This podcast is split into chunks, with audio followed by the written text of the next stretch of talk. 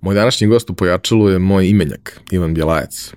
Nedavno je bio u specijalu u kojem smo pričali o nekim prilikama za inovativne tehnologije na ovim prostorima da se pozicioniraju na globalnom tržištu na, na pravi način. On je jedan od lidera, ali pre svega Ivan je dinosaurus koji se internetom i tehnologijama bavi više od 20 godina i prošao jedan izuzetno neobičan razvojni put da bi danas došao na jedno sjajno mesto, rekao bih vrlo zasluženo, a to je da je jedan od najcijenjenijih ljudi koji se bavi upravljanjem kompanijama koje, koje rade razvoj za Web3 blockchain kao tehnologije.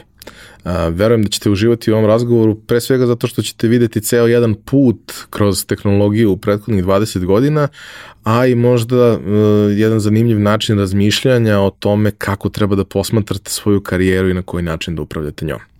Uživajte. Realizaciju pojačalo podcasta već duže vreme podržava kompanija Epsona. Od nedavno smo za vas pripremili nešto posebno. Naime, nova fiskalizacija podrazumeva da mnogo veći broj nas mora da se bavi ovim pitanjem i mnogo je nedoumica, mnogo je e, nedovoljno detaljno objašnjenih informacija. Mi smo se potrudili da na jednom mestu, na sajtu novekase.rs, objasnimo baš sve što može da vas zanima i damo odgovore na sva pitanja što se tiče same fiskalizacije, što se tiče toga ko je obveznik, kao i na koji način možete iskoristiti subvencije koje država daje. Takođe, dali smo i neke preporuke uređaja koje možete da koristite, a tu je i webinar gde za nekih 30-40 minuta možete otprilike da dobijete vrlo jasnu sliku o tome šta nova fiskalizacija podrazumeva za sve nas. Takođe, treba reći to da kompanija Epson, osim POS uređaja koji su ovde u centru pažnje, proizvodi štampače u svim mogućim oblicima, veličinama i namenama, kao i već 20 godina najbolje projektore na svetu, a više o tome možete videti na epson.rs. Za slučaj da želite da nas podržite vi individualno, možete da posetite link u opisu podcasta na platformi Buy Me a Coffee i tu možete kupiti mesečnu pretplatu ili jednokratno donirati neki jednost koji želite. Hvala vam unapred na tome.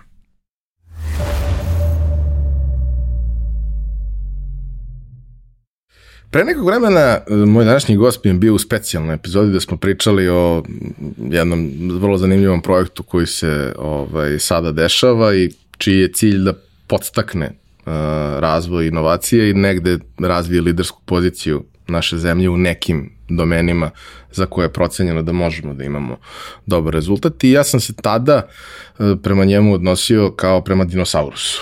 Zato što prosto mi smo tu sve zajedno, nas dvojica 300 godina. Tu. I sve smo to, sve smo videli i znamo i zato smo ovako istraumirani i tako dalje.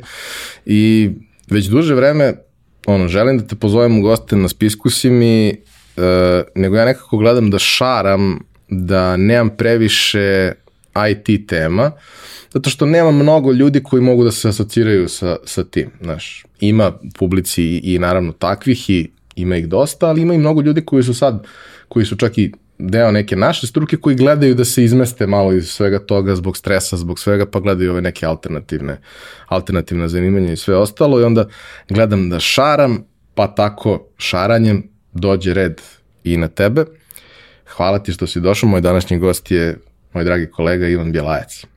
Hvala tebi na pozivu, evo, Uh, mislim da se i u, u Web3 u samo i u tih par meseci desilo dosta stvari i u krajnju ruku mislim da ćemo imati dosta zanimljivih tema za razgovor. Ja sam se potrudio da ovde zato dođem da popijemo A popijemo se prekrstimo što se kaže. Jeste ovaj, uh, da pijemo šljivu, jedemo tartufe i, i zlato kao što to blockchain nalaže. Jeste, doneo je, doneo je neku jako čudnu rakiju sa tartufima i zlatnim listićima, ali dobra, dobra, barikirana šljiva, znači svaka čast, dok ne krenete da pravite blockchainovaču i ovo će da posluži. pa morat ćemo nešto. A, zna se šta je moje prvo pitanje, ali u tvom slučaju ću da, da napravim jedan, jedan mali ovaj, obrt uh, i prvo ću da te pitam šta je to čime se ti sad baviš? Odnosno, 2022. godine Ivan Bjelajac je ko? Pa ja sam sad verovatno nešto između e, tech executiva, investitora i PR rizika. to ako ovaj moram da, da de, definiš. U principu uh, vodim MVP workshop, što je određena vrsta specifičnog venture buildera kao firme. Uh, venture builder podrazumeva da smo mi u stvari firma koja se trudi da pruži podršku uh, drugim firmama u svom ekosistemu da zapravo postanu profitabilne i ono nadamo se velike kompanije. To radimo u saradnji i sa nekim klijentima kojima vodimo ceo razvoj proizvoda, a radimo i sa nekim našim firmama koje su unutar firme napravili naši zaposleni i gde, gde faktički radimo na razvoju nekih e, naših zajedničkih ideja. Ta ideja je najviše nastala iz toga što u ovih 20 godina koliko se bavimo ovaj, IT-em i, i razvojem softvera, i poslednjih deset koliko sam imao prilike da razvijam neke firme od kojih su neke ali i prodate. Jedan od najnezgodnijih momenata verovatno u razvoju tih firmi je bio što u jednom trenutku uh, ti imaš ljude koji rade sa tobom 2, 5, 10 godina koje više u firmi jednostavno nemaš da da unaprediš. I uh, onda smo odlučili u jednom trenutku da praktično postanemo venture builder najviše iz razloga zato što smo hteli da kažemo ovaj, svaku u ovoj firmi ima teoretsku šansu da bude unapređen, da bude i direktor. Ovaj, e sad, trenutno to nije baš direktor MVP workshopa, ali jeste Neko neki od tih čer, da. jeste neki od tih čerki firmi do trenutka dok me stvarno ne otere u penziju i ne smene koji možda i nije tako daleko. E, sećam se pre nekoliko godina, ima, kad kažem nekoliko, pa ima jedno 3, 4, možda i 5 uh, smo pričali o tome koliko zapravo postoji uh, realan problem da ti ovde možeš da nađeš prilično dobar inženjerski kadar, ali da ne možeš da nađeš ljude koji su ono što bismo nazvali product owneri, odnosno neko ko može da od inženjerski dobrog proizvoda to zaokruži u komercijalni proizvod koji može da ima svoje mesto na tržištu. I tu negde ja vidim možda najveći vaš doprinos ovom tržištu što ste ljude koji su imali potencijala za tako nešto odškolovali da postanu takav kadar? Pa mislim da nismo samo mi, mislim da ima dosta ovaj srpskih ili IT firmi koje su morale da razvijaju svoj interni ono business development, marketing, product menadžere i slično i da je tu danas dosta bolja situacija nego pre pet godina recimo. Ono što smo mi probali kroz ovaj venture builder model da uradimo je da praktično podelimo firmu na core business firme i na nekakve support funkcije i u support funkcije nam spadaju i te ne, ono legal, finance i tako dalje, ali i, i HR i marketing, to je da kažem na neki način. I onda smo praktično rekli mi možemo da napravimo nekoliko dobrih marketara, ne za sve firme koje hoćemo da podržimo i otvorimo, ove koje su jeli kor našeg biznisa, ali ovih nekoliko ljudi može da dobije ubrzanu priliku da radi marketing uh, za 6-7 visoko inovativnih firmi praktično koje su tu u našem ekosistemu. I onda na taj način um, ti ono ubrzavaš jako verovatno kreiranje kadra koji zna odjednom da, da se bavi tim nekim uh, high tech product placementom ovaj, ili brand placementom, nebitno, globalno za inovativne industrije i radeći u jednoj firmi je praktično pošao, prošao životni put desetak firmi što mislim da je onako dosta zanimljiv izazov, znaš, za, za marketare. Ovaj, mislim da je mnogo smislu. lepa stvar, jer kao inače šansa da radiš nešto tako ti se pruža jedino u agencijama gde ti hendluješ klijente, ali ti kada hendluješ klijente, ti se zapravo ništa ne pitaš. Ti si servis koji mora nešto da pruži, ti nudiš, klijenti odbijaju, ubijaju cene, pregovaraju, traže stvari za koje si ti ubeđen da ne funkcionišu, nemaju rezultat, dok ovde imaš na neki način, jeste s jedne strane slobodu, ali s druge strane odgovornost za, za, za to sve. Yes. I naravno, ne žele to svi, ali oni koji žele to prihvate obe ručke jer je to ono kao, ok, ja sam spreman da preuzmem odgovornost, ali hoću da imam i vrlo direktno ono, da vidim šta sam ja to napravio, da imam benefite od toga. Tako da verujem da to ljudima zaista znači. Pazi, nama je i mnogo značilo to što mi za sebe imamo nekoliko uspešno uh, lansiranih projekata koji danas imaju sve, svetski uspeh, a da su prošli kroz MVP workshop kao, kao venture builder na neki način, bilo kao klijenti, bilo kao partneri. Pričat ćemo o tome još, ali sad se vraćamo na naš uobičajeni trek. i ja tebi postavljam ono čuveno mančmeovo pitanje koje postavljam svima, jer prolazimo hronološku priču tvog života da vidimo uh, genezu bolesti, kako je došlo do, do današnjeg stanja. A to pitanje je šta ste da budeš kad porasteš? Pa gledaj, znaš, ja, ja sam ono, uh, ja sam na neki način hteo da budem i šahista i košarkaš i da budem softverski inženjer i imao sam razne ono sumanute ideje kad sam bio mali.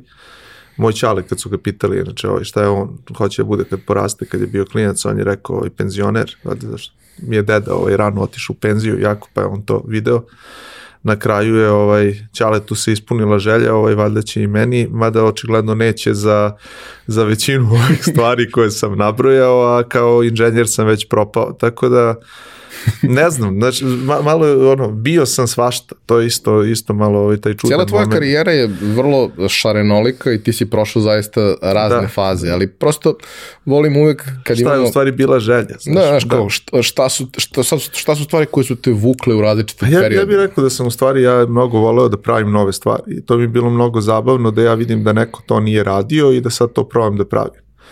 I nekako ispalo da je prvih deseta godina moje ono karijere, da tako kažem prave karijere od ono 20, 20. kad sam krenuo da radim, ovaj, prvih deseta godina su bili ti ono inženjerski poslovi, ovaj, onda je nekako otišlo u tom pravcu da sam ja lagano propadao kao inženjer, zašto sam se sve više bavio ovim biznis delovima tih dogovora ovaj, i slično ovaj, sa drugarima koji su ostajali inženjeri. I ovaj sad, ono, da si me pitao sa 20 šta hoću da budem, znaš, ja bih rekao ono, softverski inženjer, odnosno sistem inženjer za uvek. Ovaj, da si me pitao ono, pre pet ili deset godina šta hoćeš da budeš, ja bih bio u fazonu želim da napravim ono jednoroga iz Srbije i da ta firma to bude. A sad da me pitaš, ja bih rekao, eto to, ja volim kao da vodim ono portfolio različitih biznisa i da su ti biznisi što različitiji i ovaj, verovatno da ako me budeš pitao nešto za, za 10 godina, ja ću opet da izmislim nešto drugo, da ja u stvari želim da budem, najviše zato što geneza bolesti možda nije bila želja šta ja ono hoću da postanem, nego više to da sam ja prosto povodljiv. Dobro, da, da mislim. Da nekako imaš, krenulo iz povodljivosti, u stvari. Uvek se to svodi na to da kao imaš sa jedne strane neki cilj, ali onda imaš i put. I da, put da. može da te odvede na neku drugu stranu i ne mora da znači da se kaješ što nisi završio tamo gde si zamislio ili možda završiš na nekom mnogo boljem mestu. Da. Ovaj, a, osnovna škola, srednja škola, šta ti je zanimalo, šta ti je išlo, ko su bili ljudi koji su te u tom nekom periodu ono, motivisali, koji su ti davali možda neke smernice, palili neke lampice u glavi, šta bi mogo da radiš, šta bi mogo da probaš? Pa pazi, ja što se mene tiče, ja sam ovaj promenio tri srednje škole, u srednje sam išao pet godina, onako, imao sam tendenciju da mi izbacuju iz srednje i slično, ovaj, nije se baš, nisam Od se baš u tom smislu ovaj, proslavio, nije me, me zanimalo mnogo da tamo odlazim, uh, ali me je i tad zanimalo dosta da pokušam nešto da pravim, da čitam, da, da ovaj, učim stvari, samo ne to o čemu su mi tamo pričali, ovaj, što je ono, moja lična disfunkcionalnost koja nije bila pametna. I ja sam onda sa 19 godina, 18 i po 19 već krenuo praktično ovaj da radim, ono imao sam i neke druge ovaj aktivnosti, ovaj kad sam prestao da igram košarku i šah još to kao klinac košarku jer sam se nešto povređivao šah zato što me valjda nije na kraju dana dovoljno ni dobro, Dobro da nije povreda i na šahu. da, to bi bilo teško. Ali ovaj, kad smo došli do toga, ono, igrao sam ono, i, i igrice, kako se, što bi se reklo, ovaj, ono, ono, ono što danas, kako se zove, ovaj, rade ovi gejmeri koji e, zarađuju velike pare, ja sam to radio bez da zarađujem velike pare. ovaj, I onda nekako, znaš, u, u toj moru aktivnosti, ovaj, kažem ti, sa 19 godina sam ja već ono radio u suštini. I onda sam odlučio sa 23 godine zapravo da upišem fakultet i da tu nešto krene da se dešava. Bio sam na višoj elektrotehničkoj jer smatrao sam da imam baš rupe u tom inženjerskom znanju koje neko mora strukturirano da mi popuni. I obzirom da sam sa većinom svojih dotadašnjih ono, učitelja i, i profesora osjećao da imam relativno loše iskustvo, Uh, meni je logika bila, ovaj, nadam se da ovde na, na ono, više elektro, kako se zove, će biti bar ono pola njih da su normalni i da ovaj, će umeti da mi prenesu neko znanje. ne mogu da kažem da ih je bilo pola normalnog, bilo ih jedno pet normalnih, ove, ove trojice su bila sjajna i sa jednim ovim Draganom Pleskonjićem recimo uh -huh. i danas se dosta čujem Dragan je u AI-u i machine learningu jako dugo, ima iz teorije igara, iz e, veštačke inteligencije slično preko 20 patenata koje predaju US Patent Departmentu, preko pola njih mu je već priznato i tako dalje. Ovaj, on mi je tu bio autoritet i za operativne sisteme i za teoriju igara i za kriptografiju i tako dalje i onda me je valjda ono tu dosta zainteresuo za te teme. Mi se i danas redovno ovaj, čujemo, viđamo, ponekad sarađujemo.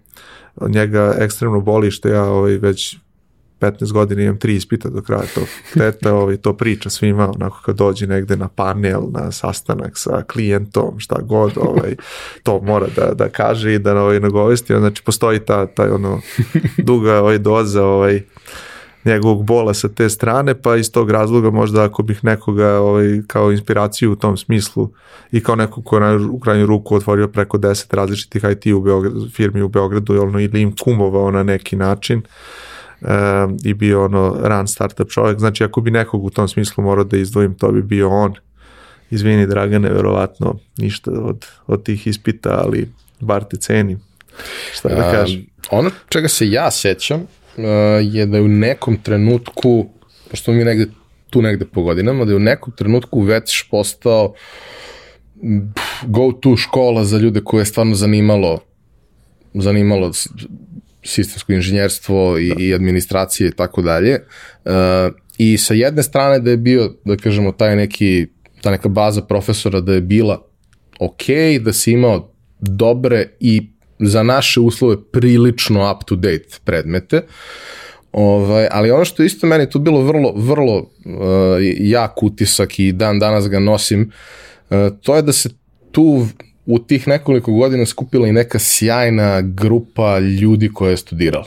I da se to često e, nije recimo, kao i u tvom slučaju u krajnjoj liniji, da to nisu bili ljudi koji su pripadnici te generacije, nego su to ljudi koji su par godina kasnije skapirali, e, ne zanima me ovo što sam upisao, dobio sam preporuku ili mi se učinilo da je dobro ili ovih pet ljudi pričaju da je njima tamo cool, ok, ajde da idemo tamo da vidimo možda to na nešto Možeš da gledaš i, i vremenski kontekst, znaš, tebi je RAF krenuo, ja mislim, neke 2004. 5. tako otprilike i on je bio prvi fakultet ono za računarstvo u pravom Privatni. smislu. Da, pa da, ali u, u kontekstu ti ako si hteo da se baviš e, developmentom ili softverom i slično, ti si mogao da nalaziš nekakve smerove po ovaj fakultetima i školama kao što je ETF, kao što je matematički, kao što je fon u krajnju ruku, ali e, nisu postojali smerovi nekako u potpunosti ono, ovaj, ni, ni e, da kažem, u, upereni ka tome.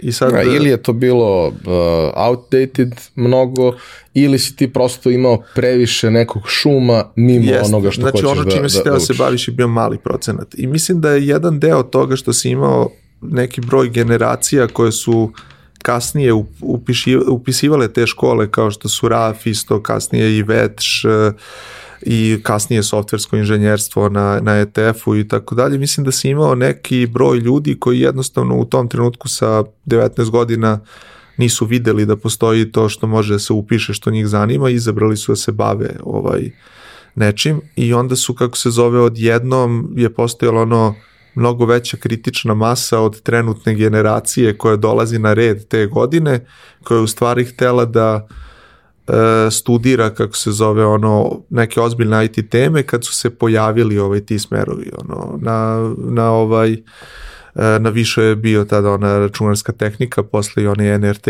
kako se zove, kao dodatni smer i tako dalje i tako dalje i ovaj, u tom smislu mislim da je više stvarno jedno vreme bila ovaj, super, ali da, mislim da se i nagomilala masa ljudi koji jednostavno ono, postojala velika želja da, da se bave tim stvarima, ali jedno 4-5 godina nije baš postojao ja, jasan put kako će oni to da rade.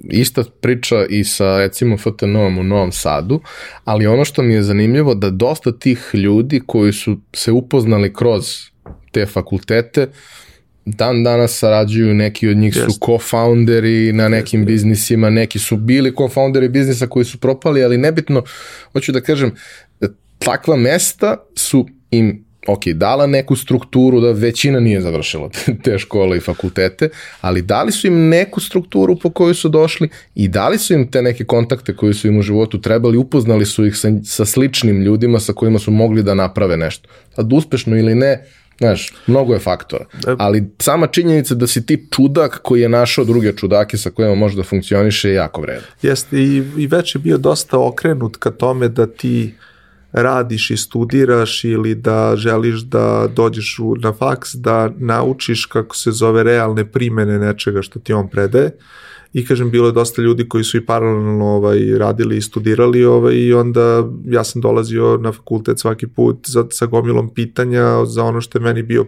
suštinski problem na poslu i onda sam tamo pokušavao među profesorima i drugim ljudima da nađem nekog da mi pomogne da to rešim. I uh, mislim da je to bilo neko ključno zato što kad sam rekao da je, da je bilo na određeni broj sjajnih tu profesora, mislim da je tu pre svega i ta situacija da je dosta tih profesora paralelno što je predavalo i radilo u industriji, znaš. I onda nije postojao taj neki čisto akademski moment, nego prosto mi smo onako bili ono radnička klasa IT. E, mnogo je lepo i to postoji sada na nekoliko fakulteta. Ja sam, iako to možda nekima zvuči i pogrešno, ja sam zapravo veliki zagovornik toga da uh, dobri profesori koje od kojih prvo mnogo naučiš, onda ih realno i zavoliš kroz, kroz taj neki rad, te često regrutuju na svoje projekte, mm. neki i u svoje firme ili firme u kojima su konsultanti i ja mislim da je to jako dobar početak karijere za nekog ko je mlad i nije do tog trenutka krenuo nekim svojim putem. E sad, tvoja priča je takva da si ti krenuo da radiš i pre toga. I bio da, si da, da. u industriji od, od starta, tako si iskapirao da ti fali struktura, jer kao svi mi koji smo ono, uh, sami učili Jest, i, i pokušavali, nekako, imaš taj moment da si ti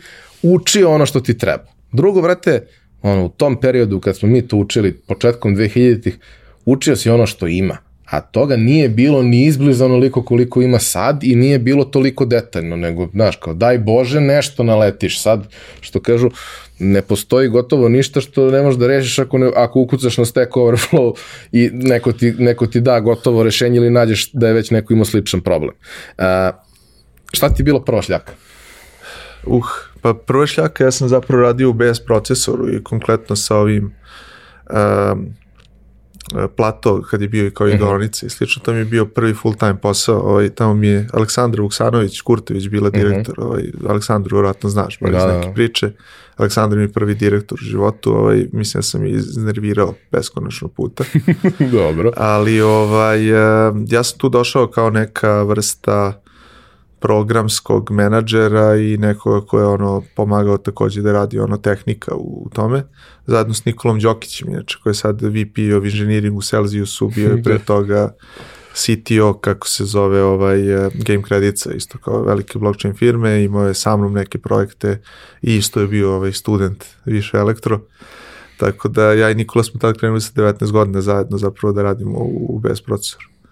A, a nakon toga? Pa nakon toga je bilo dosta nekih izleta i po ono godinu, dve dana ovaj, eh, na kratko i u jednoj čerki firmi Euneta i radio sam sa, sa par ljudi koji su sada u blockchainu u nekim manjim njihovim firmama koje su unudile i ono sistem inženjer usluge, bukvalno kao servisno i slično. Uh, kad sam upisao faks, onda sam par godina freelansovo, zatim sam ono, bio u Comtridu tri meseca. Ovaj, i posle toga ovaj, sam nekako potpunosti prešao u tu priču koja je okrenuta baš bila web hostingu i kasnije uh, high availability sistemima. Ovaj, prvo sam bio, ja mislim, možda oko dve godine u Adriateku, Adria Hostu, ovaj, tako nešto, oko dve godine, onda sam dve, tri godine bio u FrSrvu, što je bio neka velika engleska firma, ovaj, sada je prodata u nekoj konsolidaciji tog, tih svih internet provajdera, koja je u suštini nudila u to vreme uh, cloud sistemi i cloud rešenja neke 2009. 10.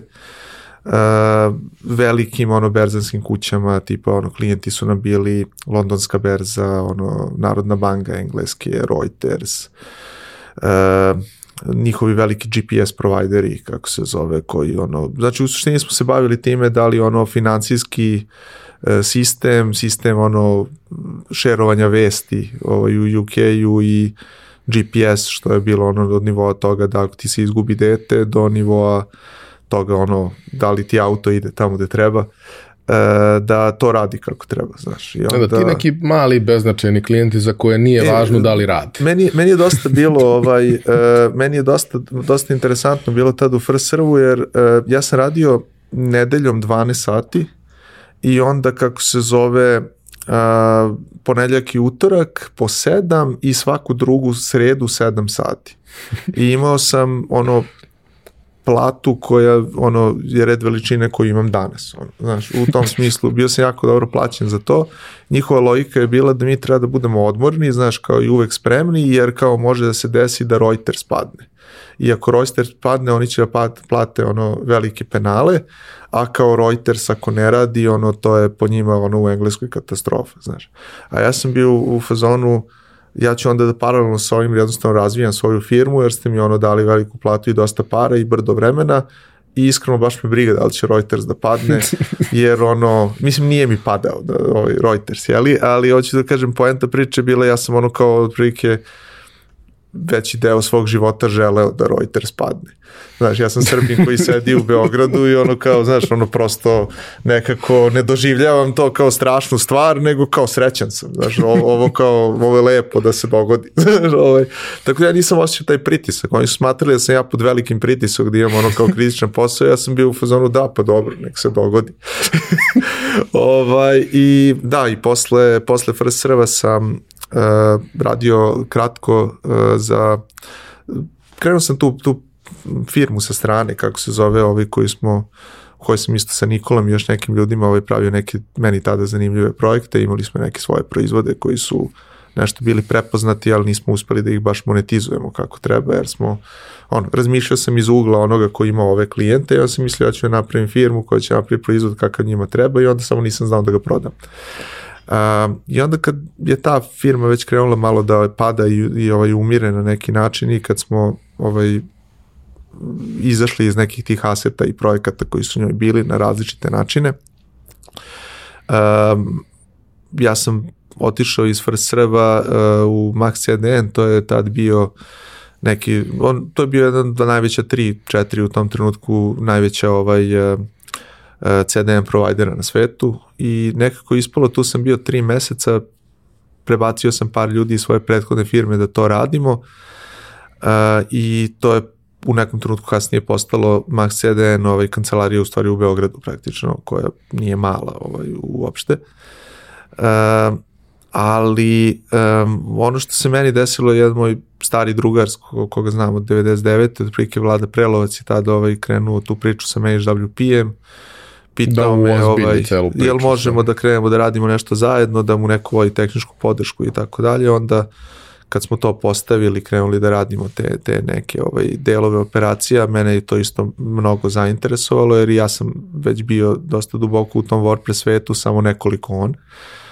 I ovaj, jednostavno uh, ManageWP je tad bio na početku, već je bio ono vrlo profitabilan biznis, prvi te vrste na svetu. Ja sam tu došao, vodio sam taj neki user experience i, i ovaj um, infrastructure i, i ono customer care team, kako već da ga kažem. Uh, I posle toga sam ono, nekako u tom dogovoru sa vladom ovaj, prešao da to radim kao jedinu obavezu u svom životu, odnosno ovu firmu sam zatvorio i ovaj, onda sam postao CEO ovaj, Devane faktički time i kasnije kad je on odlučio da živi u Americi, onda sam bio jedno, jedno kratko vreme i CEO kažem kratko vreme, zašto u to vreme smo onda već ušli u tu priču da prodamo firmu GoDaddy-u, desilo se dosta stvari i slično. Ja, i samo da objasnimo je. jednu stvar koja je meni tu ona bila jako interesantna. Ok, vlada je u nekom periodu pre toga imao neke interesantne pluginove za WordPress koje je koristilo dosta ljudi, uglavnom u free verziji, ali naravno na tu količinu ljudi bilo je i dosta ljudi koji koriste premium verziju, Prelovac medije je bila relativno poznata kao publisher i to sve i u jednom trenutku dakle, do, dolazi se do toga da se razvije software, odnosno kažemo plugin za, za WordPress, koji rešava problem koji nema preveliki broj ljudi, ali ima značajan broj ljudi i, i, i taj problem je veliki. A to je da ti u suštini do tog trenutka nemaš elegantno rešenje koje ti omogućava da na jednom mestu pratiš više sajtova koje imaš, odnosno ne više, ajde, kad imaš dva, otići ćeš u svaki pojedinačno pa ćeš da vidiš, ali kad imaš 30, ti to ne možeš da ispratiš, ni koja je verzija čega, ni da li je sve kako treba, ni da li postoje neki erori i tako dalje, niti možeš da se uloguješ u svaki, nema, fali ti šifra, fali ti ovo, fali ti ono, i ti dobijaš tu jedno jako elegantno rešenje za, za nešto tako, koje je naravno bilo, ja mislim, ono, ubolo idealan tajming, trenutku kada WordPress, koji je već bio dominantan CMS, potpuno eksplodira na tržištu CMS-ova, jer jednostavno je svetlosnim godinama ispred svega ostalog sa strane customer experience-a, kao možda su neki CMS-ovi bolji, ja imam neke koje možda više volim, ali ne umem nikom da objasnim kako da ih koriste. Ovo mogu nauči morsko da, prase da, da. kako da koristi i kao to je bilo prilično važno. I onda ti imaš jednu onako vrlo zanimljivo kulturno rešenje koje nalazi svoj put do velikog broja korisnika, jer prosto koliko god to možda ne trebalo svakome, ti imaš potencijalnu bazu korisnika koja broji stotine miliona ljudi. I uh, upravljati korisničkim iskustvom tih ljudi, posebno onih koji plaćaju licence i sve ostalo, nije ni malo jednostavno ima tu niz problema, svako, mislim, hosting je pakao za sebe, to, da, to da. ljudi ne kapiraju. Da kao, svaki server, ono banalna stvar danas da preseliš sa jednog na drugi server, sajt, može da se pretvori u, u, u pakao. Možda bude i dva klika i sve radi kako treba, ono, ako je C panel na oba mesta, klikneš, sve se desi samo, manje više. Ali može da bude noćna mora a ti ovde treba da imaš nešto što radi sa mnogo instalacija, na mnogo različitih sistema, što potencijalno znači gomilu problema i moraš da se postaraš, koliko je to moguće, da ti ljudi imaju ok iskustvo, da im nađeš rešenje za problem, da ih posavetuješ da odreaguješ brzo, jer jebi ga ako ne radi, to je veliki problem. Kao, kako je to izgledalo? Mislim, to je na prvu loptu meni deluje kao užasno stresan e, posao. Mnogo je, mnogo je zapravo zanimljivo što si to spomenuo iz dva razloga. Prvo, prvi jedan razlog je koji je danas bitan i za MVP workshop i za, i za neke druge stvari. A to je ovo što si rekao da je vlada imao dosta veliku koričninsku bazu baziranu na tim pluginovima ovaj, Vladek ušao u WordPress, ja mislim, neke 2006. 7. Ovaj, krenuo jako rano da se bavi time, pre nego što su drugi ljudi prepoznavali to kao dobar ekosistem. On je ubo taj trenutak da je rekao sebi ovo će biti budućnost za 5-10 godina i ja treba da jašem ovaj talas.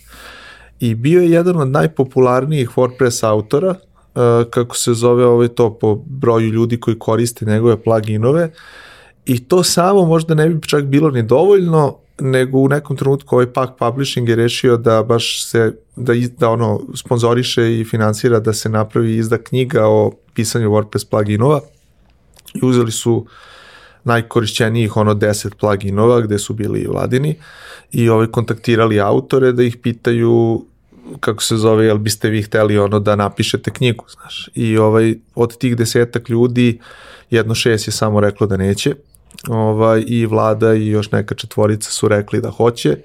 I onda u tim dogovorima oni su vladu izabrali među njima. I onda je ovaj izlazak te knjige i slično isto njega pogurao kao uh, autoritet u tom ekosistemu, kao ono, tipa koji sedi u Beogradu, na Novom Beogradu, znaš, ono i programer je, on je odjednom postao autoritet na svetskom nivou za razvoj WordPress pluginova. I to je dovelo i do toga da uh, on uspe da ono ima uspešan biznis iza toga i slično, ali i da prepozna da postoji neki problem kao ovaj što smo spomenuli. Znaš, tako da mislim da ono MVP isto što danas radi, mi se trudimo da na različite načine prepoznajemo te faze kada ta tehnologija još uvek nije spremna mm, ovaj, pre nego što dođe da. na, na Jest. najvišu tačku. I ne na najvišu tačku pre nego što dođe maltene i na koju tačku, nego ono, u, u fazi kad se tehnologija tek pojavila, mi pokušavamo nekako da prepoznamo e, da je ta situacija da bi na osnovu, kako se zove, tog našeg znanja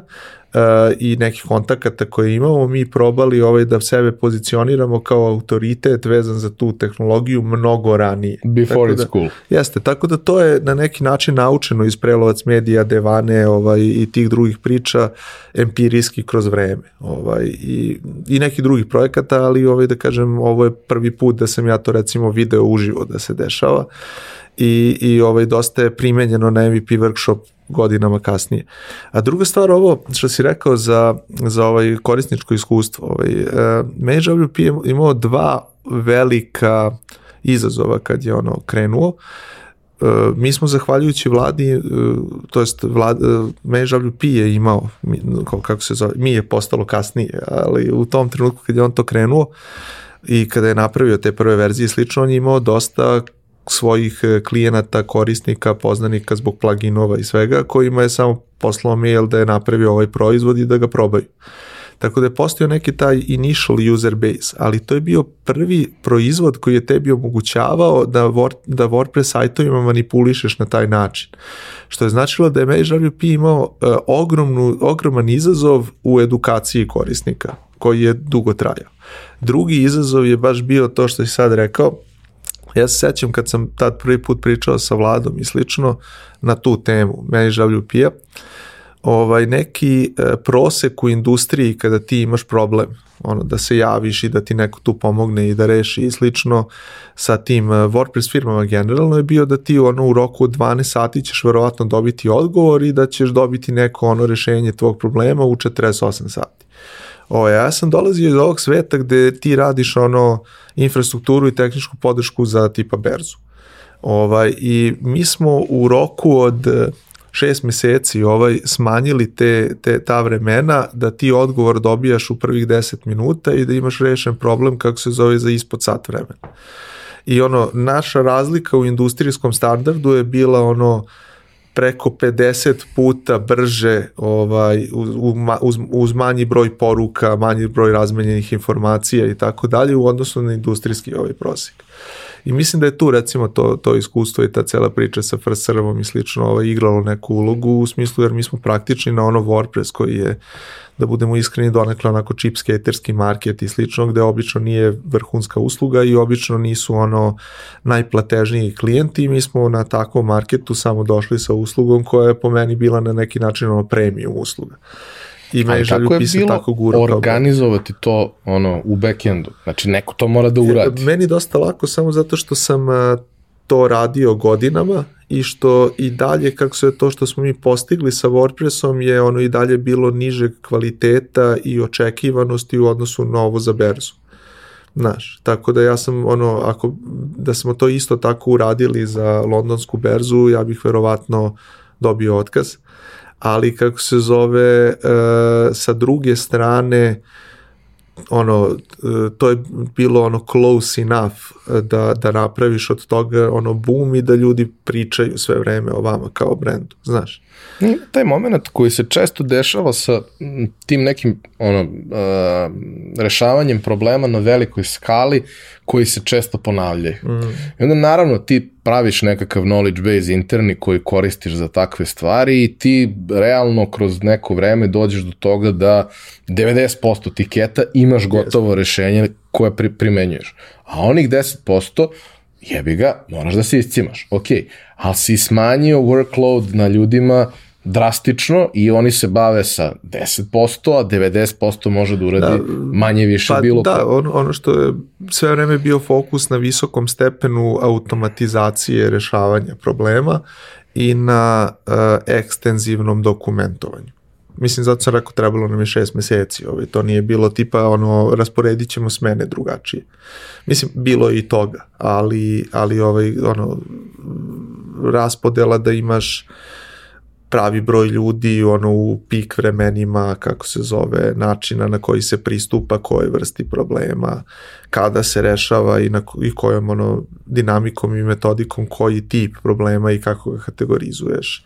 E, kako se ti problemi posle ono kada ti se napravi određeni niz problema koji ono zahteva veće vreme da se reše, ima ih dosta, kako se oni komuniciraju developerima da ono developeri kako se zove uzmu ovaj da, da to reše jer ti imaš gomilu ono support isto stvari koje možeš da rešiš ne tako što bolje odgovaraš na problem, nego tako što samo učiš da problema više nema, znaš. U narednoj verziji. Jeste. Pa dobro da, ono, ali na internetu naredna verzija, ono, ti možda imaš update svaki dan. Znaš. Naravno, naravno. naravno. Ova, imali smo jako dobre po meni ono, procedure za hotfixeve, postojali su, znaš, te neke ono, stvari koje su baš uh, u Devani, odnosno jeli, na ManageWP-u ovaj, baš bile koncentrisane oko korisničkog iskustva i oko načina kako da tim ono koji se bavi komunitijem i, i tehničkom podrškom sarađuje sa razvojnim timom da, da ono ti minimizuješ broj situacija kada korisnik hoće da se ono javi za problem i tako dalje.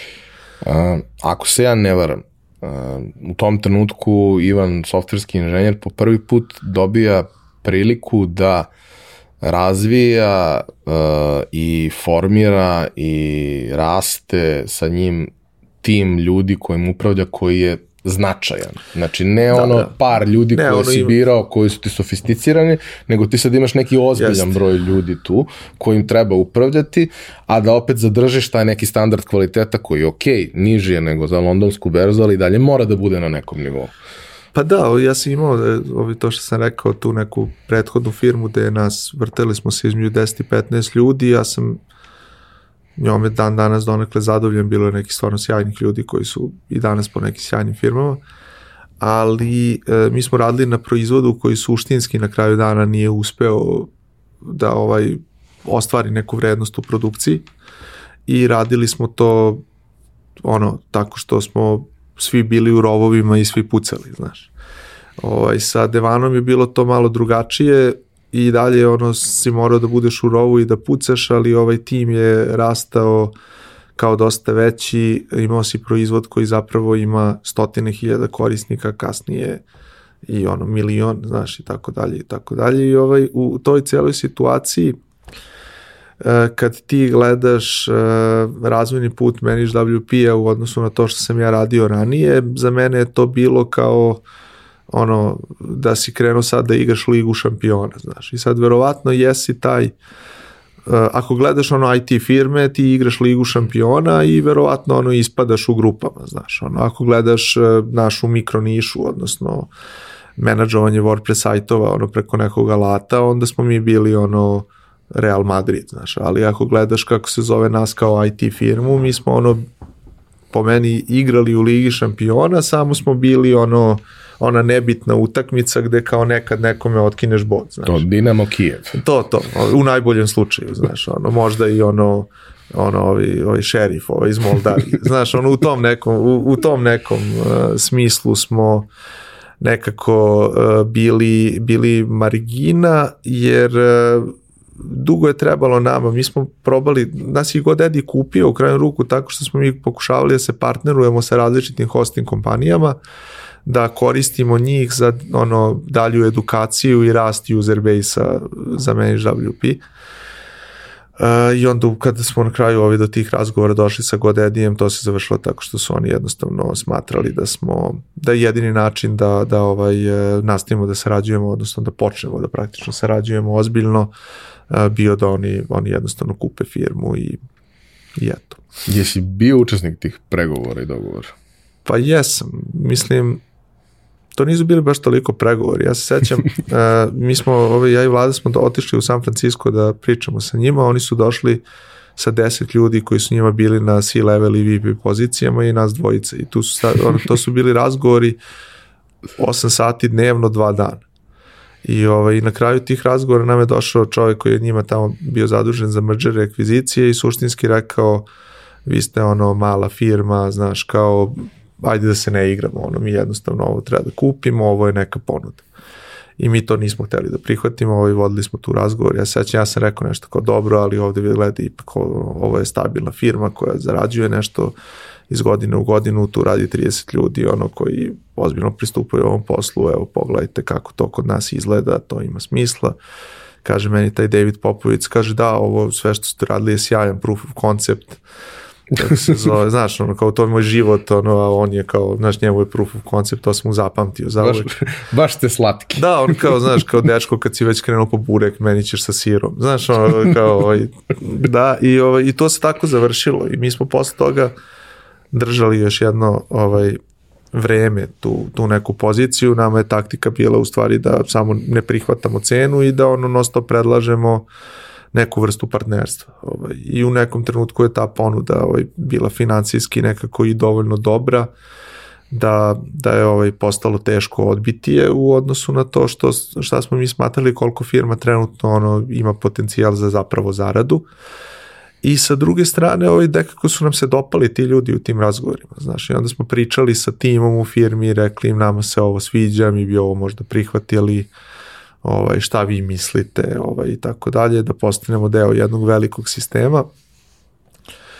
Ja sećam kad sam dolazio u GoDaddy, ovaj, imao sam i te onda razgovore kao ovaj, na ulasku i oni su pitali kao što hoćeš da radiš ovde. Ja sam rekao pa eto kao ok, ono, ponudili ste da kupite firmu, ovaj, srećni smo što se to dešava, ovaj, drug, ono, znači postoji neki novac, neki bonusi. Ovaj, drugi razlog je bio što je tu bilo ljudi koji su uh, imali iskustva u tehnologiji koliko ja ono godina života, znaš. Ovaj, meni je uz vladu direktno nadređen i posle u Godediju recimo bio Ragu Murti koji je ne znam, lansirao ono Kindle u Amazonu, koji je ovaj, vodio Amazonov education program, koji je u Microsoftu pre toga izbacio Kinect ovaj, za, ono, koji bio u Xboxu, ali i u drugim primenama, pre toga bio u IBM-u, ono, gura onaj njihov uh, kako da kažem, wireless chipset standardizaciju, kad je ono, IBM stavio iza toga kao open source standardizacijonog projekta i tako dalje, znači sjajan jedan tip. Ovaj, ono, CEO je tad, Goded je bio ovaj Blake Irving koji je napravio MSN i Hotmail u Microsoftu i tako dalje. Ja sam bio u fazonu, ja mogu vrhunski da učim od ovih ljudi. Ovaj, I treća stvar je bila, ono, mislio sam da je sjajno za proizvod, jer je, ono, ono, ManageWP tad imao par stotina hiljada korisnika, možda milion menadžovanih sajtova, ovaj, a sada, sada je to u milionima. Eto. A koliko, mislim, naravno ne moraš da odgovoriš, ali jeste mi zanimljiva tema za razmišljanje, jer kao, znaš, razni ljudi naprave nešto što je dobro, obično ne ni na tolikoj skali da imaš stotine hiljada korisnika, jer to je već ozbiljno, to je već firma koja pravi neki realan profit. Ali, znaš, napraviš nešto što je interesantno, što je cool i što se pojavi neko veliki i hoće da te kupi za nešto što ti smatraš da vredi više. E sad, da, da. Naravno, postoji taj moment gde ti možeš da kažeš uh, neću, postoji taj moment gde ti možeš da kažeš ok, hajde da se borimo, ali realno ti ne možeš da se boriš sa takvom firmom. To je firma koja je da. mnogo hiljada puta veća od tebe i u principu imaš ti neke komparativne prednosti da. i tržišne i sve ostalo. Ali realno oni ako se fokusiraju na to što verovatno neće, ali ako se fokusiraju, mogu da te zgrome. I ti možeš da izgubiš i to što imaš. I sad kao taj moment da li ili Jeste. ne pa... je mnogo teža odluka nego samo Pa koliko je to, to nula? To je igra, kako se zove, koju ono u nekom trenutku naučiš da igraš i ja mislim da je vrlo bitno da nikada ti ne juriš nekoga da mu prodaš firmu i da nikada ne budeš mnogo tužan ako se to, ta prodaja na kraju ne desi, znaš. Ali ja sam sebi ono prebacio mindset neko toga što sam nekoliko firmi prodao ovaj, u koje smo ovaj, ulazili Uh, ja sam sebi prebacio mindset da sam ja shvatio da jednostavno umem da razvijam firme do reda veličine 50-100 ljudi i da posle toga što se mene tiče kako se zove ovaj ko želi da ono to od toga napravi firmu od 10.000 zaposlenih i da eskalira ovaj mnogo više da optimizuje poslovanje i tako dalje da to nije skill koji ja znam potencijalno da nije skill koji želim ni da steknem I onda, eto, ovo kad smo pokrenuli tu kao priču sa, sa MVP workshopom, ja sam jednostavno se prebacio u taj mod da bih rađe napravio 10 firmi kako se do 50 zaposlenih i sve ih prodao, nego što bih, kako se zove, ovaj seo i napravio jednu od 10.000, znaš. Ima i taj moment koji pretpostavljam da jeste deo toga, ali bih volao da naravno mi ti kažeš svoj ugao, a to je da je mnogo lepše raditi sa 50 izuzetnih ljudi nego sa 500 ljudi gde je 50 izuzetnih. Jeste, ali ne, ne znam da, da bi čak rekao lepše, nego bih rekao drugačije je e, na vrlo specifičan način. Znaš, po, e, meni je to, s Aleksandrom sam pričao o mojem prvom direktorkom, jeli, ovaj, e, na te neke teme, ja sam joj rekao, ja bih volao da MVP workshop uvijek ima oko 50 ljudi, jer je meni to comfort zona, znaš. I onda ona meni rekla, kaže, Ivane, ovaj, ajde da budemo iskreni kako se 50 firmi je najgluplja firma na svetu. 50 ljudi je najglupo. Da, da, zato što, znaš, ono, ti kad imaš 10, 20 ljudi, ok, vi ste fokusirani na problem, svi se znate, radite zajedno nešto, kada vas je 50, vi već imate procedure, ono, radite ove određene stvari na određeni način, ali nemate onaj zamajac i inerciju iza sebe kao firma od ono... I redundansu. Jeste. I ovaj, e, ti onda, kako se zove, ono sa 50 ljudi, u stvari najviše igraš na nekoj toj ivici noža, znaš, to ti je onako dosta kritičan trenutak. E, ja sam samo shvatio i osvestio sebi da taj naredni korak obično neki drugi partneri znaju da urade bolje od mene, a da sam ja jako dobar u tome da ga dovedem od 0 do 1, znaš. I to je jedna stvar. Kažem, e sad, ta razlika je po meni u tome šta postaju aktivnosti. Znaš, preko 50 ljudi ti obično imaš ono jako dobar revenue stream, pa kako se zove samim time, e, tebi suština biznisa postaje optimizacija. Meni je optimizacija bila mnogo zanimljiva kad sam imao 20 godina, ono, danas me mrzi, znaš, zato što je optimizacija malo dosadan posao, znaš, tad, tad ga radiš prvi put, pa je, pa je drugačije. A mene, mene to, to ovaj, ne vozi, baš toliko koliko ove druge stvari da praviš nešto da dođe od nule do keca. I onda mislim da je tu postoji taj moment. Ti obično kada je firma manja, kad si u tim početnim fazama razvoja nečega, ti gledaš da ono napraviš tu neku suštinsku inovaciju i da to plasiraš negde u svet, kako se zove. Ali kasnije ono veliki deo toga postane taj ono business as usual moment. Ja imam neko iskustvo u pravljenju ovaj, takvih firmi u krajnju ruku zbog Odedi, a kasnije i u, u ovaj bavljenju i nekim tu drugim njihovim brendovima, ono ulazimo u neke njihove veće probleme, gledanju kako oni to rade i sve ostalo. Ali mene to nikada nije, nije ovaj, toliko zainteresovao koliko ovaj prvi deo, plus zato što valjda sam to video i osetio u životu, onda imam taj neki osjećaj da ovim ljudima koji žele da razvijaju samo taj biznis i, na, i ono, taj biznis je recimo nastao iz naše firme, iz MVP-a. Ovaj. Uh, ja dosta dobro mogu da im pomognem kroz neki savet, kontakte, ovaj, uh, ono, predloge kako da pristupe nekim stvarima, ali mene malo, ono, nije, mi deo ličnosti i želje više da ja to radim iz dana u dan. I ovaj, onda mislim da sam tu, to što ti kažem, našao neku svoju nišu, a to je ono građenje tih firmi do 20, 30, 50 ljudi i onda razmišljanje o tome kako ta firma postaje samostalna da li je to tako što prosto postane samostalna firma ovaj koja zaposli kadrove koji imaju ovo znanje koje koje ovaj founderima nedostaje, jer su to većinom tehnički founderi, a koji žele da se bave tim managementom i optimizacijom svaki dan, ili je to nekakva akvizicija. Istorijski gledano, zato što se mi nalazimo u, u tom radu sa pre-competitive tehnologijama i tako dalje, nekako se do sada uvek dešavalo da na kraju to bude neka vrsta akvizicije ili yes. carve out ili neki, neki, nekakav akvi HR zbog tih ljudi ili nešto drugo, ali eto u nekoliko navrata imamo suštinski te primere da, da smo mi na kraju zapravo firme ovaj, prosto prodali jer, jer smo zaključili da je za tim i nas to najbolje. Uh, u tom periodu dok si radio za GoDaddy koji je beskonačno veliki sistem sa opet beskonačnim brojem korisnika, Uh, pominjao si neke stvari koje se naučio, pominjao si neke ljude koji su te tu bili vrlo značajni za, za tvoj lični razvoj, za tvoju karijeru, ali um, šta su pored toga neke najveće vrednosti koje si poneo iz, iz takvog sistema? Pa ja mislim da je tu postao taj neki trenutak uh, gde sam shvatio aj tako da kažem, da jednostavno ovaj internet kakav koristimo danas je u nekoj vrsti faze konsolidacije, a ne u nekoj fazi ekspanzije. Znaš, ovo što si sad rekao da firme ono kupuju druge firme, ono, ja sam mislio da ćemo mi u GoDaddy praviti neki baš onako klasičan produkt centar u Beogradu. Na kraju se to svelo na to da je GoDaddy recimo po meni sjajna firma, ovaj, ima ljudi koji ga vole ili ne vole, ono, i kao brand i sve ostalo iz raznih razloga. Ali e, po meni je GoDaddy zapravo sjajna firma, ali to je firma koja je okrenuta ka tome da a, prodaje bandlovane, us, uslu, ovaj, bandlovane usluge malim biznisima.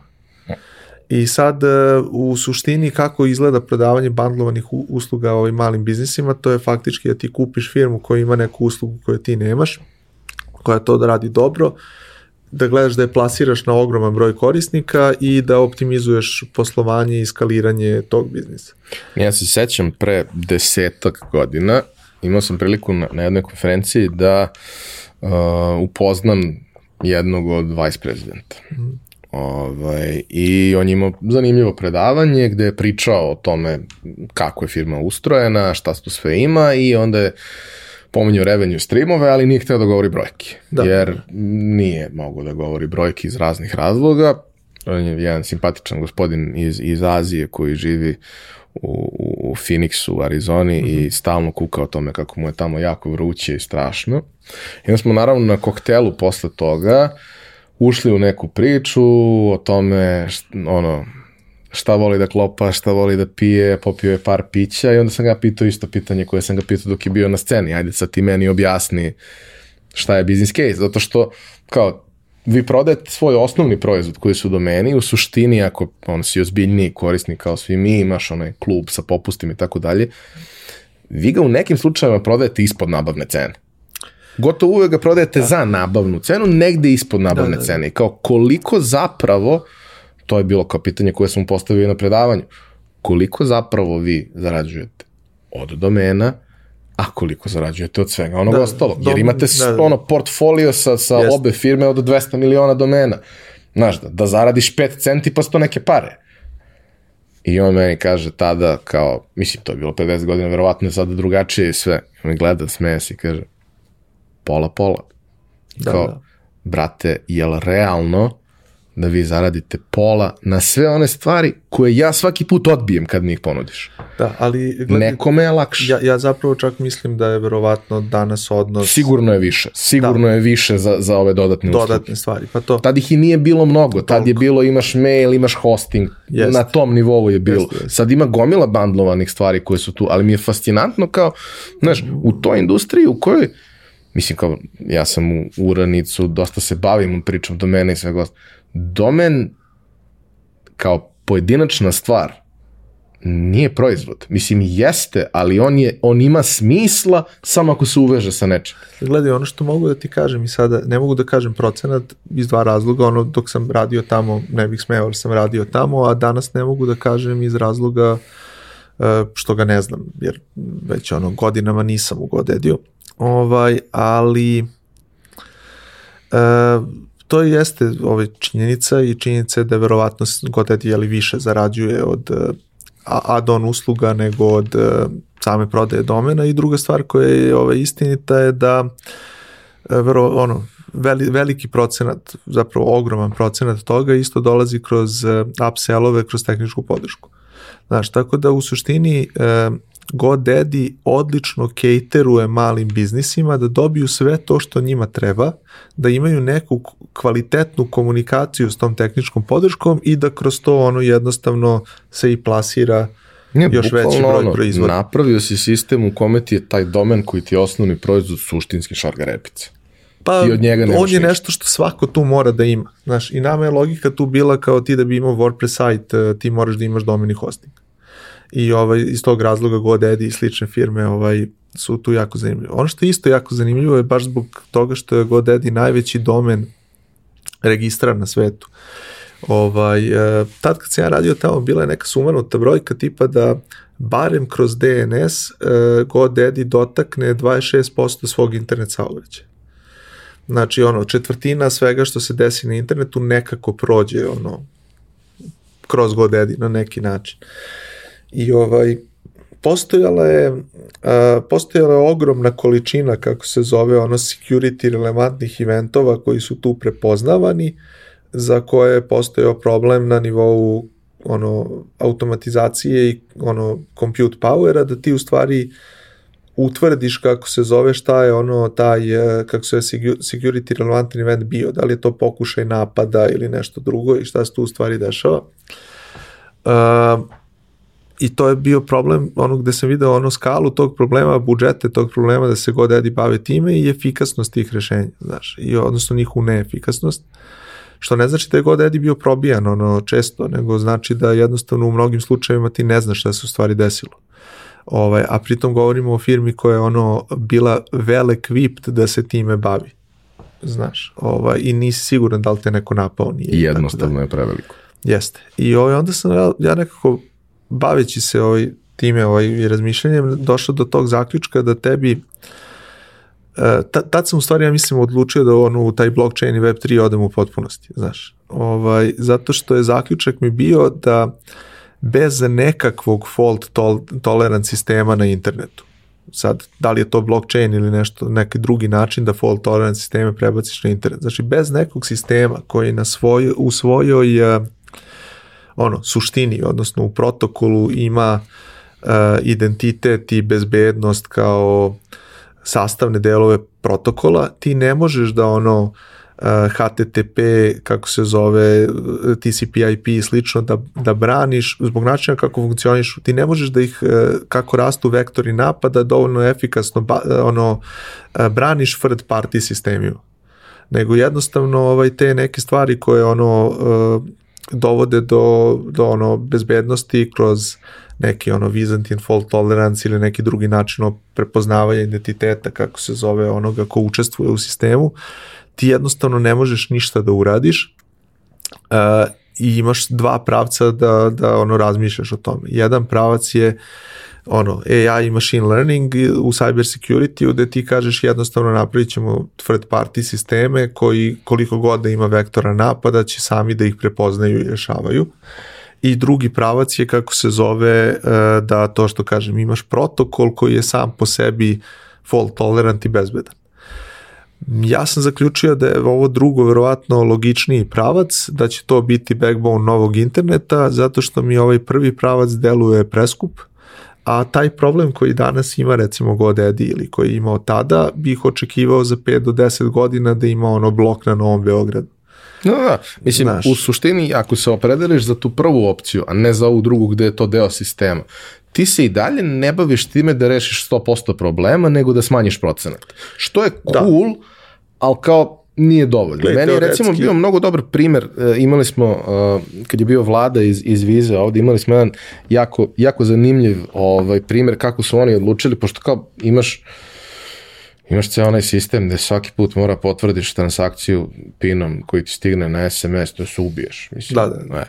I onda su oni rekli, ok, kao mi smo radili analizu na beskonačnom broju transakcije, jer kao ima ih beskonačno, i shvatili smo da kroz sistem machine learninga koji smo mi razvili, mi možemo 98,5% transakcija sa 100% sigurnosti da kažemo da su validne. Da, da, da. I to znači u 98,5% slučajeva nećemo poslati SMS. U ona 1,5 poslaćemo ti SMS, ali to više neće da bude ta vrsta frustracije da ti se danas da čekaš da čekaš da, da ti da, da. stigne, da. pa da li će da stigne, pa nije. Pa stigo je na telefon, ali nije na kompu iMessage, znaš, i tako dalje. Svi ti sistemi na kraju tebi ono ubijaju i UX i sa druge strane, kako se zove, ovaj, nisu 100% pouzdani, znaš. I onda da se razumemo i blockchain ima beskonačno drugih UX problema ovaj, i treba će tu mnogo vremena ili novih tehnologija da se to promeni, ali um, ali ovaj, e, da, lično isto mislim da ono fault tolerant sistem u svojoj osnovi je bolje rešenje takvog problema od pravljenja third party softvera za koji ćeš sutra plaćati licencu ili nešto, gde ćeš imati i biznise koji prosto samo neće imati para da plate te licence ili šta god, jer prave džezve koje se kače na internet. I jednostavno ono, u nekom trenutku taj biznis ono, propadne, ti i dalje imaš džezu, ono i dalje se kače na internet, ali odjednom, ne znam, nemaš zaštitu ili šta god. Ovaj, a taj put koji već se ono dešava, to je da imaš automatizaciju sistema za plaćanje, ovaj, kako se zove, uređaje koji sami mogu nešto da plate ako si im to odobrio, IoT uređaje koje to isto rade i tako dalje, ovaj, odjednom ono, sve to postaju vektori napada gde ono ako jednog dana kad budeš imao dovoljan broj pametnih frižidera koji sami mogu da kupe od Amazona nešto kada nema u frižideru, taj frižider je odjednom ono bilion dolar target jer ako ubodeš pravi model frižidera, ti ćeš da, is, ono, da, da, da iscediš kreditne kartice gomile ljudi koji ono imaju taj frižider i na internetu su. A takve stvari se dešavaju na, na drugom tipu hardvera da. danas i prosto stvari eskaliraju što su uređaji pametniji. Jeste. I ti danas imaš možda kući 10 uređaja koji se kače na internet, za 10 godina ćeš možda da imaš 200 u trenutku kada imaš 200, kako se zove, kažem, to je ono... Dovoljno je jedan da ti napravi problem. Jeste. A, a ti ne možeš da braniš 200 uređaja, ni ti imaš pojma, razumeš, ono, baviš se ko zna čime, ono, ne zanima te, da se baviš, ono, IT-em, da se baviš računarskom bezbednošću, pa ti nećeš ispratiti 10, 200 uređaja šta se desilo. Treba ti taj manage IoT da vidiš sve uređaje i da svuda klikneš update. Jeste. I on, a i tad nije taj, dovoljno. Da, taj update je ono upitan, kako se zove i tako dalje. I onda dolaziš do toga na kraju dana da tebi treba u stvari protokol koji je bezbedan i fault tolerant da, da rešava te stvari na globalnoj mreži. Blockchain je trenutno najbolji bet za tako nešto, što se mene tiče, znaš, može da se desi da ono, u budućnosti imamo i, i efikasniji način od blockchaina da se ti problemi rešavaju, pa ćemo se svi baviti njima, ali ovaj blockchain... U kom trenutku si se ti prvo zainteresovao za blockchain? Pa na nivou toga da smo gledali ono šta su kriptovalute i slično, ono možda oko 2010. 11. recimo ovaj, da smo nešto ovaj, sitno bili kupili pa gledali kako to radi, zaradili 400 dolara kad smo prodali, mislili smo mnogo pametni i tako te neke stvari, to je možda neka 13. recimo. Tako. Bar niste kupili picu. Od pri, da, da, nisam imao te momente. Imao sam neke, neke verovatno gore momente, ali ne, ne bih ali ovaj ali ta situacija je nekako bila ono to je bilo na nivou radoznalosti znaš Mi smo u stvari neke 2015. 16. praktično 16. kad smo pokrenuli ovaj Devana Labs, um, krenuli tu da razvijamo neku gomilu ideje. Jedna od ideja koje je vlada imao da hoće da se nekako bavimo njima je bio e-mail. Ono, e-mail nije disruptovan suštinski od 70-ih, ovaj, teli smo toga da se da se ovaj dotaknemo na neki način i pokrenuli smo taj projekat kao Lemon e-maila gde je ideja iza Lemona bila da probamo da napravimo privatniji i bezbedniji e-mail. I onda smo tako u stvari u Devani, odnosno u Labsu, Mališa je inače vodio taj projekat, ono koji je sad CTO MVP workshopa, mi smo u stvari u, u Devani krenuli odjednom da se igramo sa, sa e-mailom na, na Ethereumu u vreme kad je Ethereum ono tek počeo. I taj projekat komercijalno nije bio uspešan, ali je nas nekako uveo u taj svet. I onda to kažem ti, te neke 17. otprilike dok sam još uvek bio u GoDaddy-u, dok sam gledao te stvari koje sam mislio da su ono dugoročno bezbednostni rizik za internet, gde ono GoDaddy to reši za sebe, ali ti kući nećeš u budućnosti i gledajući ovo što smo naučili e, radeći na tom e-mailu pre toga u Devani, e, nekako sam zaključio da, da ono samo ovim treba da se bavim. Znaš, ono, prosto ovo, ovo je niz tehnologija i primjena ono, kriptografije ovaj, i, i ovaj, primenjene matematike koji će dolaziti u narednim godinama. E, prazno je tržište, suštinski maltene nema ozbiljnih igrača, ovaj, ima nekih projekata kao što su Ethereum, Bitcoin i tako dalje u tom trenutku koji su e, mega uspešni jeli sami po sebi, ali to su ono nemaš timove koji se bave sa mnogo projekata kao ono uslužna firma ili ono produkt studio ili tako nešto. Ovaj, mislim kad smo mi to krenuli da radimo, bili smo samo mi ovaj Bitfury u Evropi, imao si koncenzis u Njurku, mislim da je to bilo ono sve što je postojalo, znaš, nisam siguran u, u da li se još neko... U tom nekom trenutku, ovaj... tamo negde 16. 17. kreće taj potpuni hype da. oko, oko kriptovaluta, što je samo jedan deo cele priče. I uh, ono u čemu bih voleo da, da, da, malo više ovaj, porazgovaramo u ovom procesu je da kao, ok, kriptovaluta je jedan način primene, jedna manifestacija te tehnologije i to je postalo ljudima toliko interesantno zato što misle da mogu da zarade ogroman novac i kao, ok, bilo je period rudarenje, sad je period trading ili šta god, Da, ali to je samo jedan deo priče. Jeste. Vi se u suštini ne bavite time. U suštini da, mi se bavimo tim underlying tehnologijama. Znaš, to je sad e, zanimljiva stvar, zato što u suštini ovo što sam ti rekao, znači po meni su postojale dve velike vrednosti iza tih public blockchainova. Jedan je ovaj moment da ti imaš fault tolerant sistem na internetu, odnosno na globalnoj mreži, ti si ono, i pre 50 godina imao Byzantine fault tolerant sisteme, samo imao si ih ono u, u jednoj kutiji, znaš, ono, u zatvorenoj mreži. Pa Byzantine fault tolerant sistem je kao zamišljen da u suštini uh, može sam sebe da opravi, da tako kažem, na način što, uh, kako se zove, izbacuje um, delove sistema koji iz nekog razloga lažu ili nisu više aktivni iz rada.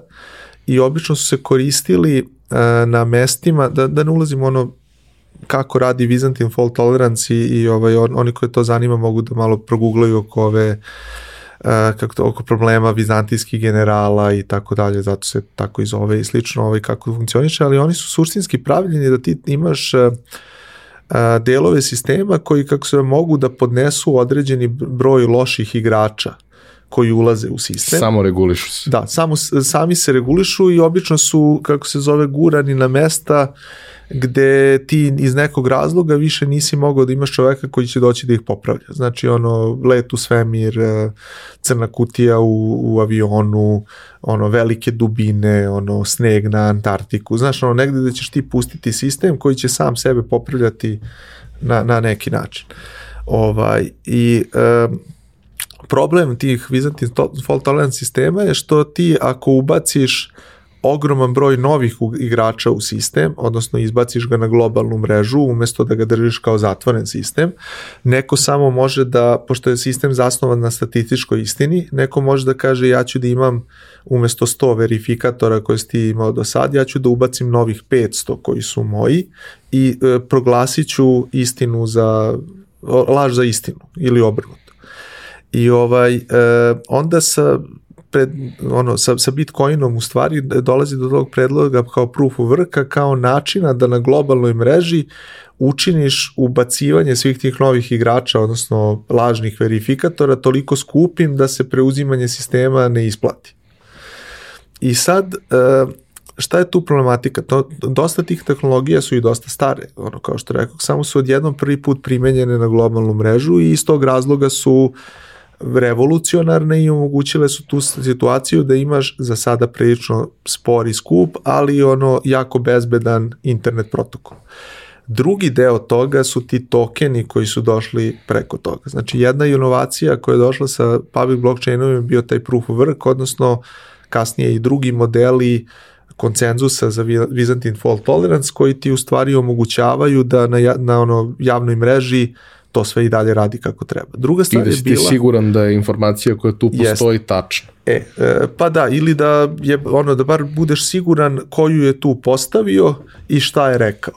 E sad ako je on slagao nešto, Da, da. ovaj, to je to, ali ono ako, ako on laže u odnosu na ostatak sistema, pošto je to transakciona baza, ti ga samo isključiš iz sistema za uvek nadalje ovaj, i imaš mehanizam da to automatski uradiš. I sad, e, pored toga, znaš, taj e, drugi deo šusrinske inovacije je bio taj moment tokena.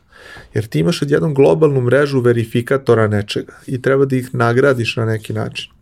I onda je ono sa Bitcoinom krenuo taj moment da to je u stvari ono ti generišeš faktički neki ekvivalent neke vrednosti novca ili čega god kroz token koji koristiš da nagradiš tog verifikatora, odnosno Što ti je rudara, dao computing power. što ti je dao computing power i kako se zove istovremeno je za Bitcoin konkretno to bila i jedina njegova svrha zato što je Bitcoin zapravo novac i payment sistem. I onda ti faktički ono tim novcem koji kreiraš kako se plaćaš i ovaj compute power, a i kako se omogućavaš njegovo dalje korišćenje. Tokeni su zapravo tu kod blockchaina mnogo moćna stvar zato što ti odjednom uzmeš i na Ethereum ili nečem drugom napraviš svoju aplikaciju kao programer i ti odjednom imaš automatski integrisan ono sistem za plaćanje.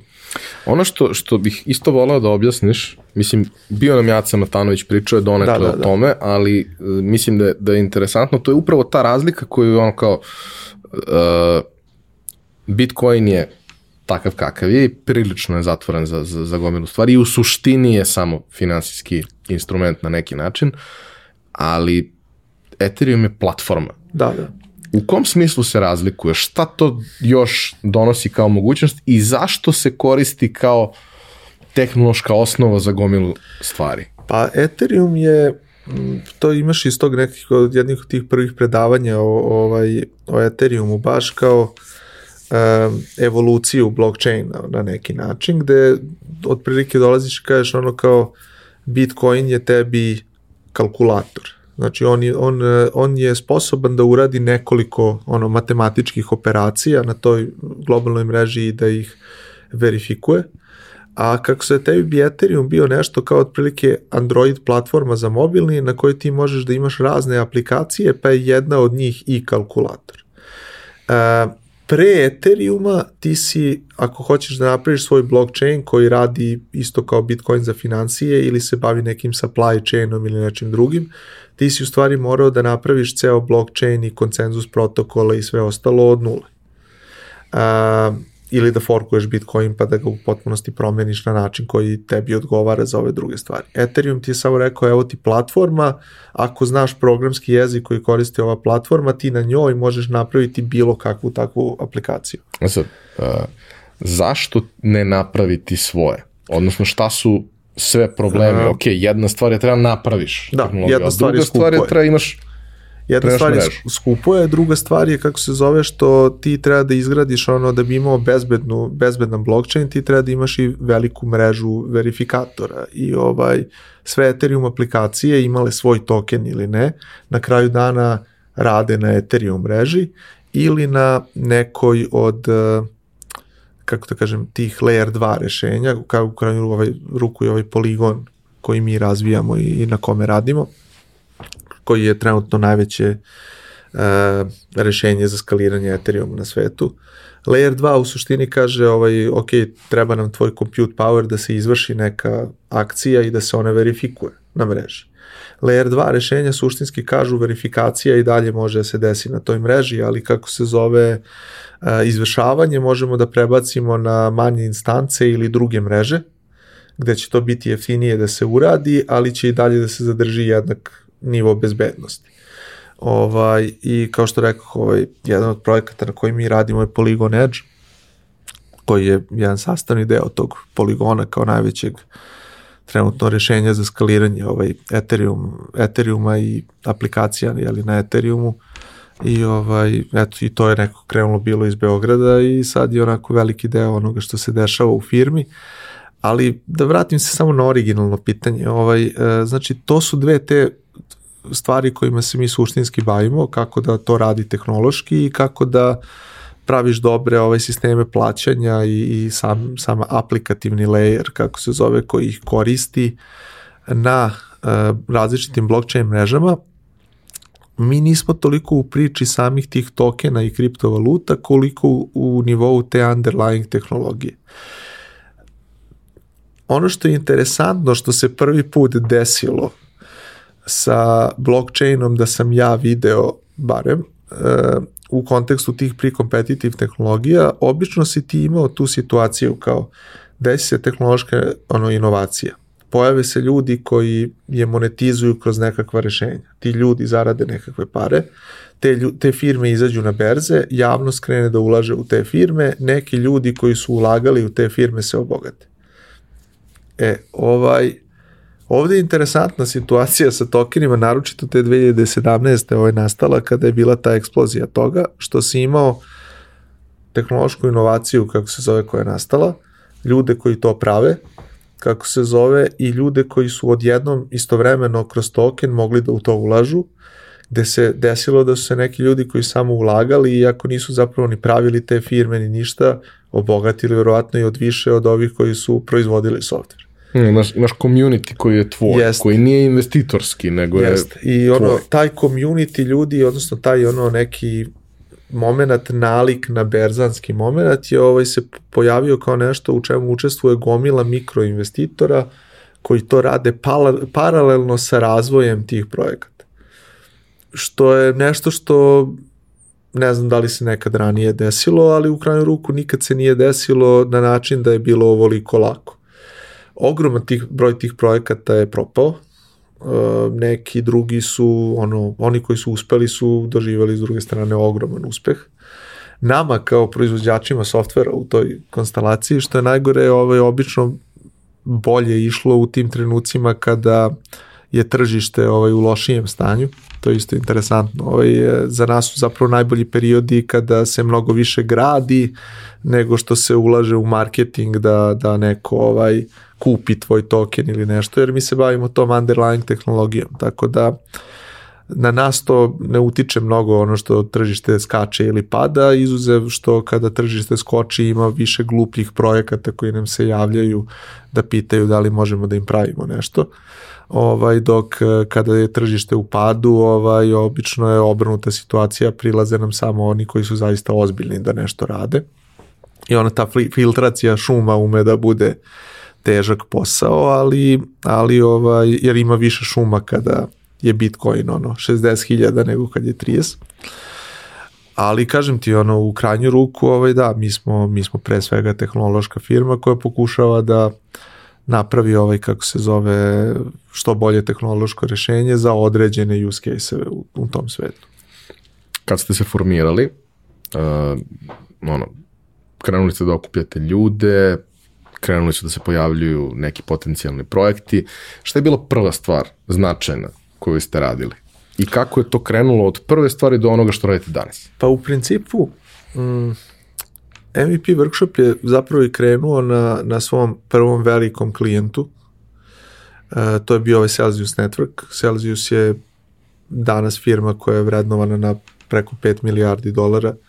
Šitnici. Ovaj, da, ovaj, ima preko 30 milijardi dolara pod menadžmentom, oko milijon i po korisnika i tako dalje. Mi kad smo krenuli da radimo s njima, to je bila kao neka ideja da bi mogla da postoji platforma za e, pozajemljivanje novca na osnovu e, kolaterala koji imaš u svojoj kriptovaluti e, i da i, i koja bi mogla znači ili da ti omogući da na osnovu uh, svog uh, kriptokolaterala uzmeš uh, uh, jednostavno zajam ili da ti omogući da ako tu prosto držiš svoje pare da ih oni obruću, da oni ti jednostavno isplaćuju nekakvu dividendu. Odnosno Kao neka vrsta mikrokredita. Pa mi, s jedne strane mikrokredit, sa druge strane neka vrsta štedne knjižice. Da, znaš, za, ovaj, za jedne i za Bez druge. oročavanja. I ovaj, e, to je tad bilo na nivou ideje. Ono, nama je prvi zadatak i razgovor bio otprilike da napišemo njima ovaj, jedan ono A4 papir kako se zove, kako se radi e, token generation event da izdaju svoj token i kako bi otprilike mi mislili da ovaj takav jedan projekat može da otprilike ima arhitekturu.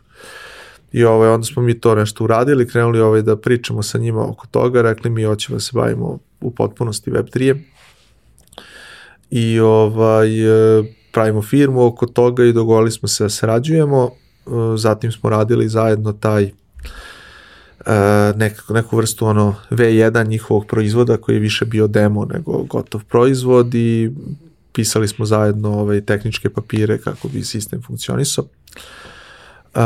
I to je bio neki septembar 2017. avgust septembar 2017. Ovaj, formir, formirali smo firmu i tim oko toga koji je radio pre svega na tom projektu i pričao sa drugim potencijalnim klijentima. Uh, i onda u martu 2018. taj Celsius ovaj, uradio taj svoj ICO, odnosno Token Generation Event, podigli su neku investiciju 56 miliona, mislim da je to tad izašlo. Da, 56 i ovaj, e, posle toga smo te pare praktično krenuli da koristimo za razvoj e, samog proizvoda kao finalne verzije. Ovaj, m, prva verzija koju su ljudi mogli da koriste i da zarađuju na njoj je onda izašla tamo negde leto, jesen te godine, mislim da je možda jul, avgust 2018. i I eto, kao što rekao, ovaj, sad to koristim negde oko milion i po ljudi. Ovaj, to je verovatno najveći pojedinačni igrač tog tipa na svetu, ali, ali ima ih još nekoliko koji su onako blizu i slične veličine, znaš. Je zanim, jako zanimljiv koncept biznis. marketplace za nešto što je bazirano na kriptu. Yes. Mislim, takve stvari postoje kod nas, yes, nažalost yes. ne, ali u inostranstvu pa, postoji ta opcija da ti svoj kapital staviš na raspolaganje instituciji koja nudi mikrokredite yes. koji, koji A, rešavaju. Znaš, i postojalo do, ono, kako je, Celsius je u stvari eksplodirao, kako se zove kad je eksplodirao DeFi, e, što je pre, ono, nekih godinu i po dana, otprilike dve. Kada, kad se ta eksplozija desila, znači Celsius je ono do ovih 30 milijardi u kapitalu ovaj, pod menadžmentom došao uh, tako što je ono u godinu dana porastao sa milijardu do 30, znaš.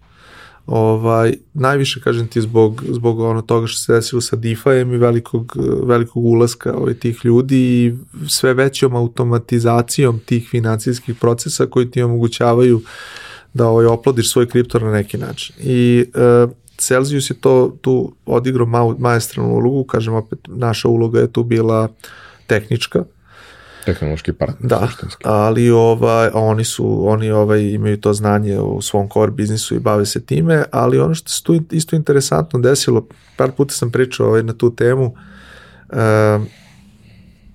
u suštini ovaj jedan isto dobar deo tog Celsiusovog rasta je ovaj, bio baziran na nečemu što nismo uradili, a ne na tome što jesmo uradili, zato što dosta, dosta tih recimo platformi za takve stvari ovaj, koje su bile ono konkurencija Celsius su isto imale mogućnost da e, likvidaciju na osnovu pada vrednosti tvog kolaterala urade automatski.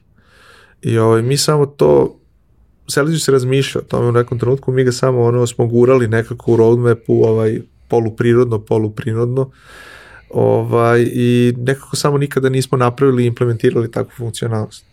I onda u smislu da ako si ti založio neki kripto, Jest. a on značajno padne u vrednosti. A ti si duža nešto, tebi može da se taj kripto automatski likvidira da bi se vratio tvoj dug, hteo ti to ili ne. Ti si možda hteo da e, dođeš i da ono, ne znam, ubaciš još para da povećaš kolateral ili tako nešto, ali, ali jednostavno nisi stigao na vreme. I onda se desilo, par puta su desili neki flash crashevi tržišta da je tržište naglo palo, čak u jednom slučaju nije zapravo tržište naglo palo, nego je uh, sajt koji meri ono vrednosti ono imao grešku pa je izazvao na globalnom nivou to da je postojala veliki, veliki broj tih automatskih e, likvidacija, kako se zove, nekakvih zajmova i Celsius samo to nije uradio jer mi samo nikad nismo napravili funkcionalnost. I onda smo mi postali ono, znaš, pazi, s druge strane Celsius je isto tako jedina firma tog tipa koja ima telefonsku tehničku podršku, tako neke stvari, da, da ne pomisliš znaš, da je ono čisto nemar, znaš.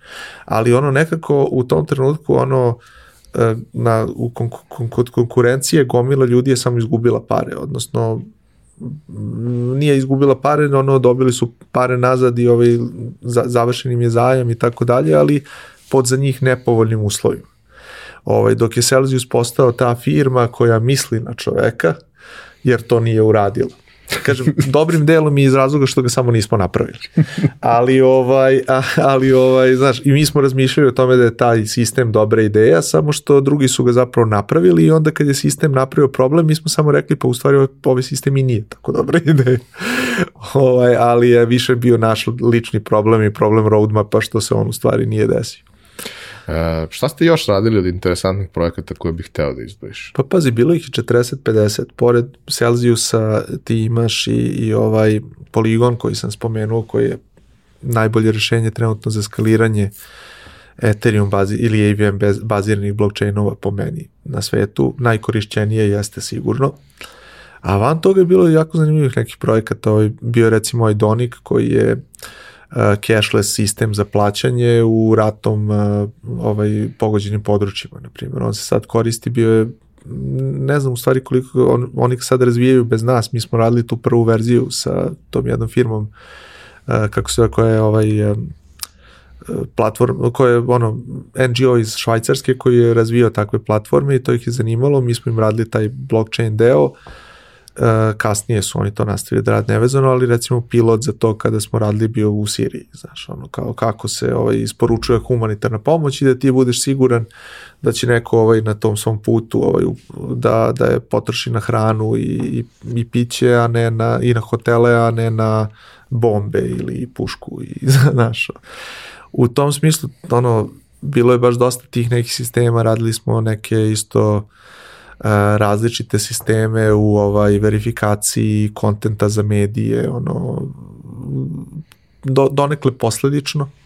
U kontekstu mi smo to gradili iz drugog razloga, ali smo onda shvatili da je zapravo i super način da se koristi za takve neke aplikacije i slično. Uh, I znaš, eto kažem ti, u tih nekih 40-50 proizvoda koje smo radili, dva su postali jednorozi, njih jedno 5 do 10 i dalje živi, ostali su prosto ugašeni projekt. A vaš e, pristup u celoj stvari, osim činjenice da ste tehnološki partner koji to razvije, kako se postavljate? Ste vi nekakav uh, klasičan outsource, ali na naprednijem nivou, ili gledate da pravite neku vrstu partnershipa i sličnih stvari? Pa, to je jednostavno i teško pitanje, znaš, zato što core, core je jednostavan, aj tako da kažem. MVP workshop u stvari funkcioniše tako što ima jednu svoju R&D jedinicu koja se zove 3327. 3327 je dobio ime po ovoj sobi u New Yorkeru gde je Tesla živeo i umro, pa pošto svi ovaj, vole Teslu, ovaj, ja i mi, onda smo nekako odlučili da uh, probamo da kažemo da mi imamo neko to odeljenje koje ono funkcioniše kao ta njegova soba koja je izdvojena od svega za razmišljanje, što bi se reklo. I tu se vrti neki 10 do 15 ljudi koji u stvari samo rade na assessmentu novih tehnologija. I cela poenta tog odelenja je da mi u stvari budemo ti prvi koji će primetiti da se nova tehnologija pojavila i razmišljati o načinima kako ona može da se primeni i automatizuje i dodeljivati tim tehnologijama uh, neke flagove kada one možda postaju market ready. Onda zatim imamo neku vrstu inkubacijonog dela, gde mi gledamo da u stvari primimo uh, ljude koji žele da dođu i da pređu iz Web 2 u Web 3 na neki način. I tu radimo na grantovima na tim tehnologijama za koje mislimo da su spremne za adopciju, tako faktički finansiramo ovaj razvoj tih ljudi ili na klijentskim projektima uh, ovaj, koji, gde je to klasičan outsource, ali nama je tu primarni cilj da otprilike isfinansiramo razvoj ljudi da, da, se da uđu u Web3, znaš. I ovaj, imamo svoje interne akademije, načine prenosa znanja, kako mi gledamo da ovaj, to znanje iz 3327, znanje iz tog servisnog biznisa i nove ljude spojimo u jedno, što bi se rekao. I ovaj, onda kada ga gledaš iz tog ugla, uh, mi smo u stvari neka vrsta butik e, outsourcing firme e, kako se zove koja ima ono unapred stečena znanja iz tih pre-competitive tehnologija. E sad, ono gde mi postajemo od toga Venture Builder Studio je u stvari zato što mi tim klijentima ono isto tako kažemo ako hoćete možete da nam platite e, deo u ovaj novcu, a deo recimo u svom equity ili uh, ima projekata koje mi hoćemo da pokrenemo, trenutno ih je trenutno ih je pet kako se zove, koji kreću iz, e, iz firme na neki način, gde smo mi izabrali ovaj naše zaposlene u 3327 i tom inkubacijonom delu, za koje smo mislili da su nam dobri co-founderi i napravili smo posebne firme gde oni imaju equity, gde sada mi sa njima, ovaj, znači mi smo kanibalizovali taj servisni deo i, i ovaj R&D deo da napravimo nove firme kao posebne entitete gde smo u partnerstvu sa svojim zaposlenima. Kao mikrotimove koji se bave specifičnim Jeste. projektima. Kroz te neke SPV-eve koje rade te projekte imaju udeo u njima i onda uh, mi, mi faktički onda iz tog e, klasičnog outsourcing dela koji je zasnovan na tome da ima jako specifično znanje, pa jako lako dolazi do klijenata jer drugi možda I ne znaju to plaća. što mi radimo. Jeste. Uh, mi onda faktički ono, ono imamo ta dva pravca ili ćemo mi skupiti znanje pa napraviti firmu koja radi nešto zajedno sa našim zaposlenima ili će neki klijent reći pa ja bi rađe to platio manje ali da vam dam neki udeo u firmi i da vas dodatno incentivizujem. Ili ću vam platiti dosta, pa onda I to okay. je okej. Okay. Gle, što je u redu, znaš, ono, u tom slučaju ja sam prosto, ono, ok, zaradit ćemo, reinvestirat ćemo to i dalje onda u razvoj tih ljudi, plus kako se zove u nekom trenutku mi ćemo možda neke od tih ljudi da samo uzmemo i prebacimo na drugi projekat, jer, jer su se spremili i naučili na ovome što je taj klijent plaćao. Tako da i to je za nas vrlo dobro. Jedna od stvari koja je uvek primetna kada neko ode na vaš sajt i prati, to je da stalno tražite ljude. E sad, uh, naravno, ko je zainteresovan može da se prijavi, prođe kroz tu proceduru i tako dalje. Ali ono što bih ja voleo, kao, da kažemo, završni deo ovog razgovora uh -huh. je da objasnimo kakvi to ljudi vama trebaju.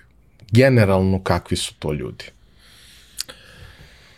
Čudni, ja, čudni taj yes. deo mi je jasan, ali osim toga.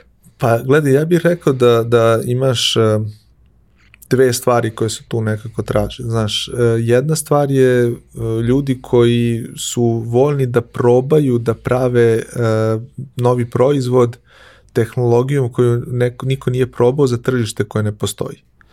Znači, to je, to je neko ko ono, verovatno želi da dođe na posao svaki dan svestan, da uh, će ono biti naporno u smislu da, da ovaj mora da reši problem za koji verovatno ne postoji nikakav šablon za rešenje. Znaš, jer većina tih projekata u koje mi ulazimo ili ovih tehnologija koje treba se asesuju su u stvari ono nove tehnologije sa malom količinom dokumentacije, gomil velikom količinom potencijalnih bagova i malom količinom ljudi koji imaju prethodno iskustvo sa njima da možeš nešto da ih pitaš. Znači, ljudi moraju da imaju veliku količinu abstrakcije u sebi. E, ima toga, i znaš, ono, i, i dalje u Web3 svetu ti imaš taj problem da gomila alata ili ovaj e, e, biblioteka i slično koje ono možda koristiš da rešiš neki problem u Web 2, ono jednostavno još ne postoji za Web 3 Ili, ili ako postoji da, nije dovoljno dobra, nije dovoljno dokumentovana. E, I onda ti dolaziš od toga da ono zabodeš negde i moraš sam da nađeš kako će se to rešiti. Tako da na neki način uporni ljudi koje mnogo zanima da eksperimentišu su definitivno plus za firmu. Druga stvar je, ovaj, mi, mi imamo lepa iskustva i uvek smo voleli one ljude koji su nekako hteli da budu pred, ono koji su tehnička lica koja su nekako hteli da postanu preduzetnici pa onda traže način da to nauče. Možda su i probali to da budu, pa im baš nije uspelo ili su imali neki mali exit i slično ali ovaj, e, dosta, mislim da smo dosta dobra sredina za one koji žele da dođu, uđu u nove tehnologije, shvati te stvari i da onda ono to postanu suvlasnici nekog projekta na neki način. Nije neophodno da osoba ima taj drive, ne, ali je lepo ako je. Jeste, ti gledaj, ti možeš i na nekom od tih projekata dobiti equity tako što si samo programer. Znaš, ono, i ako ne želiš da budeš preduzetnik, ili možeš zauvek raditi u ovom servisnom delu, ali ali ovaj, uvek smo voleli kad dođu ti ljudi i onda kada imamo i taj materijal da sa nekim zajedno zapravo sutra napravimo novu firmu. A, jedan deo koga si se samo dotakao, a hteo bih da kažemo nešto malo više o tome je kakav tehnički background treba da imaju? Pa rekao bih da znaš, zavisi od pozicije. Ono, ono što su nama uvek otvorene pozicije, to su ono product manageri, dizajneri i developeri. Jeli. Ovaj, e, mi nemamo baš situaciju da mi ljude učimo da postanu programeri, dizajneri ili produkt menadžeri, ali ovaj, ako imaš već neko iskustvo u tim oblastima, mislim da smo jako dobar ulaz za Web3 tehnologiju. Znači, ako dolaziš, imaš iskustvo da, u Web2 da, i razmišljaš se da, da, da tranziciju, imaš bar to je neko. Okay. Ne mora da bude veliko iskustvo, ono, ali barem da ono ne, ne, ne da ono, znaš, da, da, da si bar prošao tu neku osnovnu školu u smislu da, da si vodio nekakav projekat, da se nešto dešavalo. Ono, u tom smislu mi smo otvoreni za juniore, samo što obično nismo uzimali, zato što dovoljno je već teško da ti nekog ono, naučiš da uradi taj switch, kako se zove, uh, iz Web 2 u Web 3, e, sad još ako moraš da potrošiš jednu godinu dana da od njega uopšte napraviš nekoga ko liči na produkt menadžera, na primjer, ili nešto, onda je to malo ono već Previše cimanje. Pa, znaš kako, e, mislim da, da ti ne možeš da znaš da li si čovjek koji ovaj, reš, voli da rešava te jako teške probleme, dok se nisi pokazao da si čovjek koji uopšte voli da rešava ikakve probleme. Znaš, i onda mi nekako smo ovaj, za sada još orijentisani ka, da, ka tome da većinom uh, jurimo ljude koji su bar nešto već probali. Ne bih rekao da ono tražimo samo seniore ili tako nešto, ovaj, juniori su nama super uh, ovaj, naročito ako ono demonstriraju ovaj, jaku želju, ali ono ne bismo baš ono volili da budemo onaj čovjek koji ti kao priča šta je agile, znaš kao, pa ti sad kao... Da, da, mora da postoji uh, način razmišljanja koji je posljedica praksi. Da, da, nekakva ne praksa. samo mene to interesovalo, ne, ne, moraš da prođeš neku kilometražu. Bar nešto, jeste, to je, to je činjenica, znači poprilično smo orijentisani ka tome da više da prebacimo web 2 čoveka u web 3, nego, nego ovaj tome da, da ono nekome potpuno promenimo industriju ili slično. Dobro, pošto sam te pitao šta, će, šta će te da budeš kad porasteš, a sad si recimo možda porastao, pitaću te za sam kraj, uh, iako je to jako nezahvalno pitanje, te stvari menjaju i to sve, ali u ovom trenutku sa ovim razmišljanjem koje imaš, gde vidiš sebe za 10 godina? Pa gledaj, ja, ja eto, to sam ti rekao, sad sebe vidim kao nekog ko menadžuje nekakav portfolio firmi, znaš, i mislim da će mi to bar 10 godina sigurno biti jako zanimljivo. Pretpostavljam lično da, da ono za 10 godina će meni uloga mnogo više biti neka vrsta te konsultantske ili ovaj edukativne priče u kontekstu načina pristupa takvim biznis modelima ali vidjet ćemo za deseta godina. Ono što ja sam shvatio je da, da otprilike nekako kod mene su tu na 10 godina nastale te neke radikalne promene. Tektonske, da. Da, a, a sad sam tek ušao u ovih novih 10 godina procesa, tako da, da ko zna, ali eto, ako gledamo kako se dešavalo ovo do sad, mislim da, da će u budućnosti ću možda, možda manje biti ono hands-on i manje se ovaj, baviti tim pojedinačnim stvarima, nego da će mi prosto biti mnogo zanimljivije da izučavam taj ekosistem. Znaš, ono, kapira ću biti onaj, onaj čovek, ono što kao peca i šeta kuće i to i onda kao napiše nešto i onda neko misli da je glupo, neko misli da je pametno, ali kao eto meni je bilo zanimljivo da to kao... Ma ja mislim da ćeš biti i dalje onaj lik koji voli da prčka oko stvari da, i da se, ne, da se bavi time i da ono nikad nećeš moći da pobegneš ne, ne, od, ne svoje pocenjuju moju lenjost, znaš, ima, ovaj, dosta stvari kod mene ovih tu kreće od povodljivosti i lenjosti, tako da... Dobro, vidjet ćemo, ovaj, pričat ćemo za 10 godina, pretpostavljam ponovo uz neku rakiju sa nekim plemenitim metalom i nekim plemenitim pečurkama, možda nekim drugačijim. E, Bilo je zadovoljstvo što si bio ovdje, što si ispričao ovu priču i što si, nadam se, ljudima na drugi način približio fenomen koji se trenutno dešava. Kad je Ace bio tu, pričali smo o kriptovalutama i celoj toj istoriji, jer je to nešto što prosto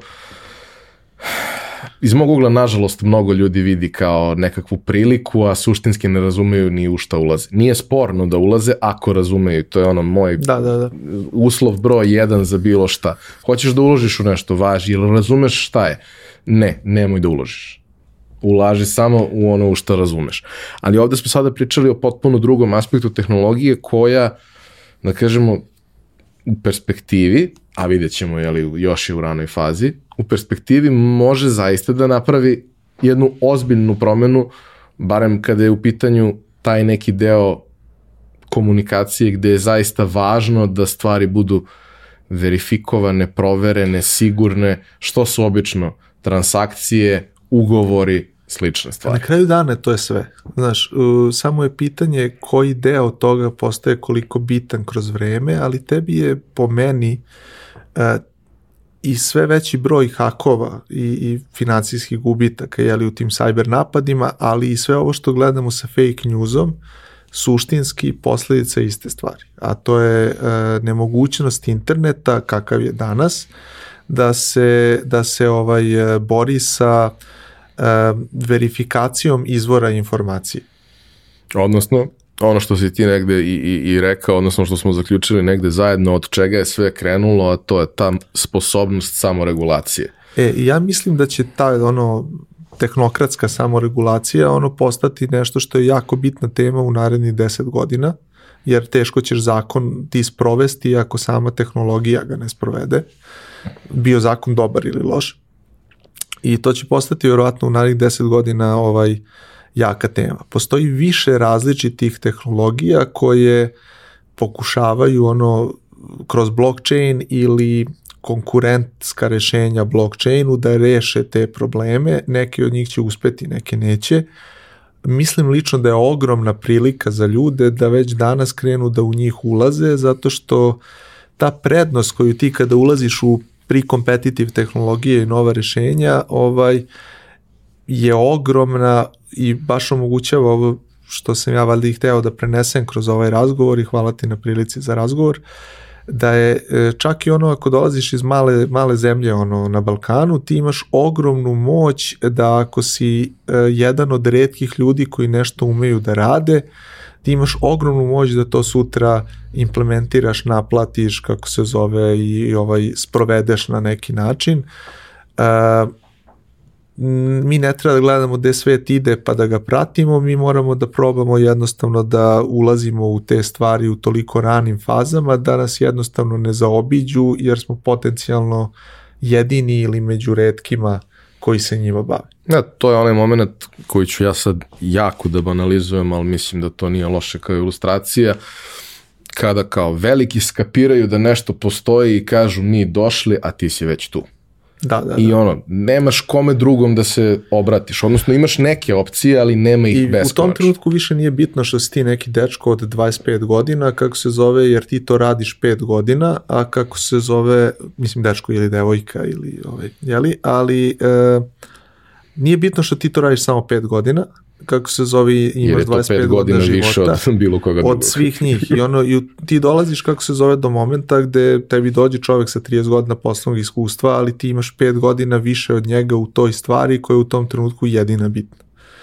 I uh, kad pogledaš ono većinom su uh, većinu uh, startup biznisa i drugih biznisa naprave ljudi od 40 plus ali većinu tih ono duboko inovativnih biznisa naprave jako mla, ma, mladi ljudi ovaj, to, jer im je to jedina kompetitivna prednost da se tu nešto dogodi. Odnosno, ja bih preformulisao to što si ti rekao, jer sam baš skoro radio tu analizu jer mi je bila interesantna. Većinu uspešnih biznisa naprave ljudi od 40+, plus, ali većinu izuzetno uspešnih biznisa naprave mladi ljudi. I ja mislim I da je to mislim, najviše zbog mnogo toga onih koji, se- koji da, da. failuju, ok, ali kao ti ljudi koji imaju ozbiljno iskustvo i jasno. sve, oni to naprave sa malim procentom greške, ali i sa relativno skromnim procentom rizika i to je safe biznis koji može lepo da raste, e, ali ali- neće porasti Da, hiljadu da, ali čak i kad napravi inovativne biznise, e, broj godina tog prethodnog iskustva kad radiš te ono ultra inovativne biznise u stvari postane nebitan jer, jer ne postoji prethodno znanje i ako si ono e, bistra osoba kako se zove ovaj, čak i na početku karijere samo to što se posvetio pravom pravcu na neki način u tom momentu može da ti napravi ogromnu razliku u životu. Imao si taj, taj jedan moment uh, u, u razgovoru kada si pomenuo svog uh, jednog od šefova u, u, u GoDaddy-u, uh, koji ima celu istoriju svojih proizvoda koje je razvio za druge kompanije i kao uh, to je fascinantno i neverovatno. Briljantan je čovjek koji razvije jednu takvu stvar za nekog, on je razvio četiri za četiri različite firme u periodu od 15 ili 20 godina. Da, malo više, ali da, dobro, da, ne, neke od njih da. Znaš, Ali svakako. potpuno, potpuno neverovatno i kao to je jedan u milion i on će u 60 godina verovatno da napravi nešto što je, što je nenormalno, inovativno i Ali za dobar život je u krajnju ruku ono, e, dovoljno da ubodeš i jedan talas. Znaš, sad mi pokušavamo napraviti firmu koja će ono da bode više talasa, ali ovaj, e, za, za tvoj dobar život do, često je dovoljno dobro i da samo ono ubodeš jedan talas taj u pravom trenutku. a pritom se baviš jako interesantnom industrijom gde i da ne ubodeš ništa i da samo radiš kao šljaker, imaćeš super uslove za Pa dobro, tako da, nešto i, i, i u kao, krajnju ruku bit će zabavno. i to. I meni je bilo zabavno danas da pričamo o ovome. Hvala ti što si bio. Um, vidimo se za 10 godina ako budemo obojica čitavi. Ove, da, da vidimo gde smo stigli umeđu vremenu. Uh, hvala vama što ste nas gledali i slušali. Nadam se da vam je bilo interesantno. Sva pitanja koje eventualno imate ostavite na za to predviđenim mestima na društvenim mrežama i komentarima na YouTube-u, a ja ću da pojurim gospodina da odgovori na njih ako, ako bude bilo nešto što je, što je interesantno, a što je za njega. I naravno, ako ste tu na nekoj klaskalici ne znate uh, kuda dalje i smorila vas je ta cela priča sa Web 2.0, možda ste dobili neku temu za razmišljanje i neko rešenje gde možete da idete dalje. Uh, ja ne volim da dajem preporuke tog tipa nikome, jer na kraju dana svako od nas upravlja svojim životom i svojom karijerom ali jeste vrlo zanimljiva mogućnost za nekakav naredni period i jeste tehnologija koja je ono emerging sada već neko vreme i koja ima jako veliki potencijal. Hvala vam još jednom, to bi bilo to, mi se čujemo i vidimo ponovo sledeće nedelje.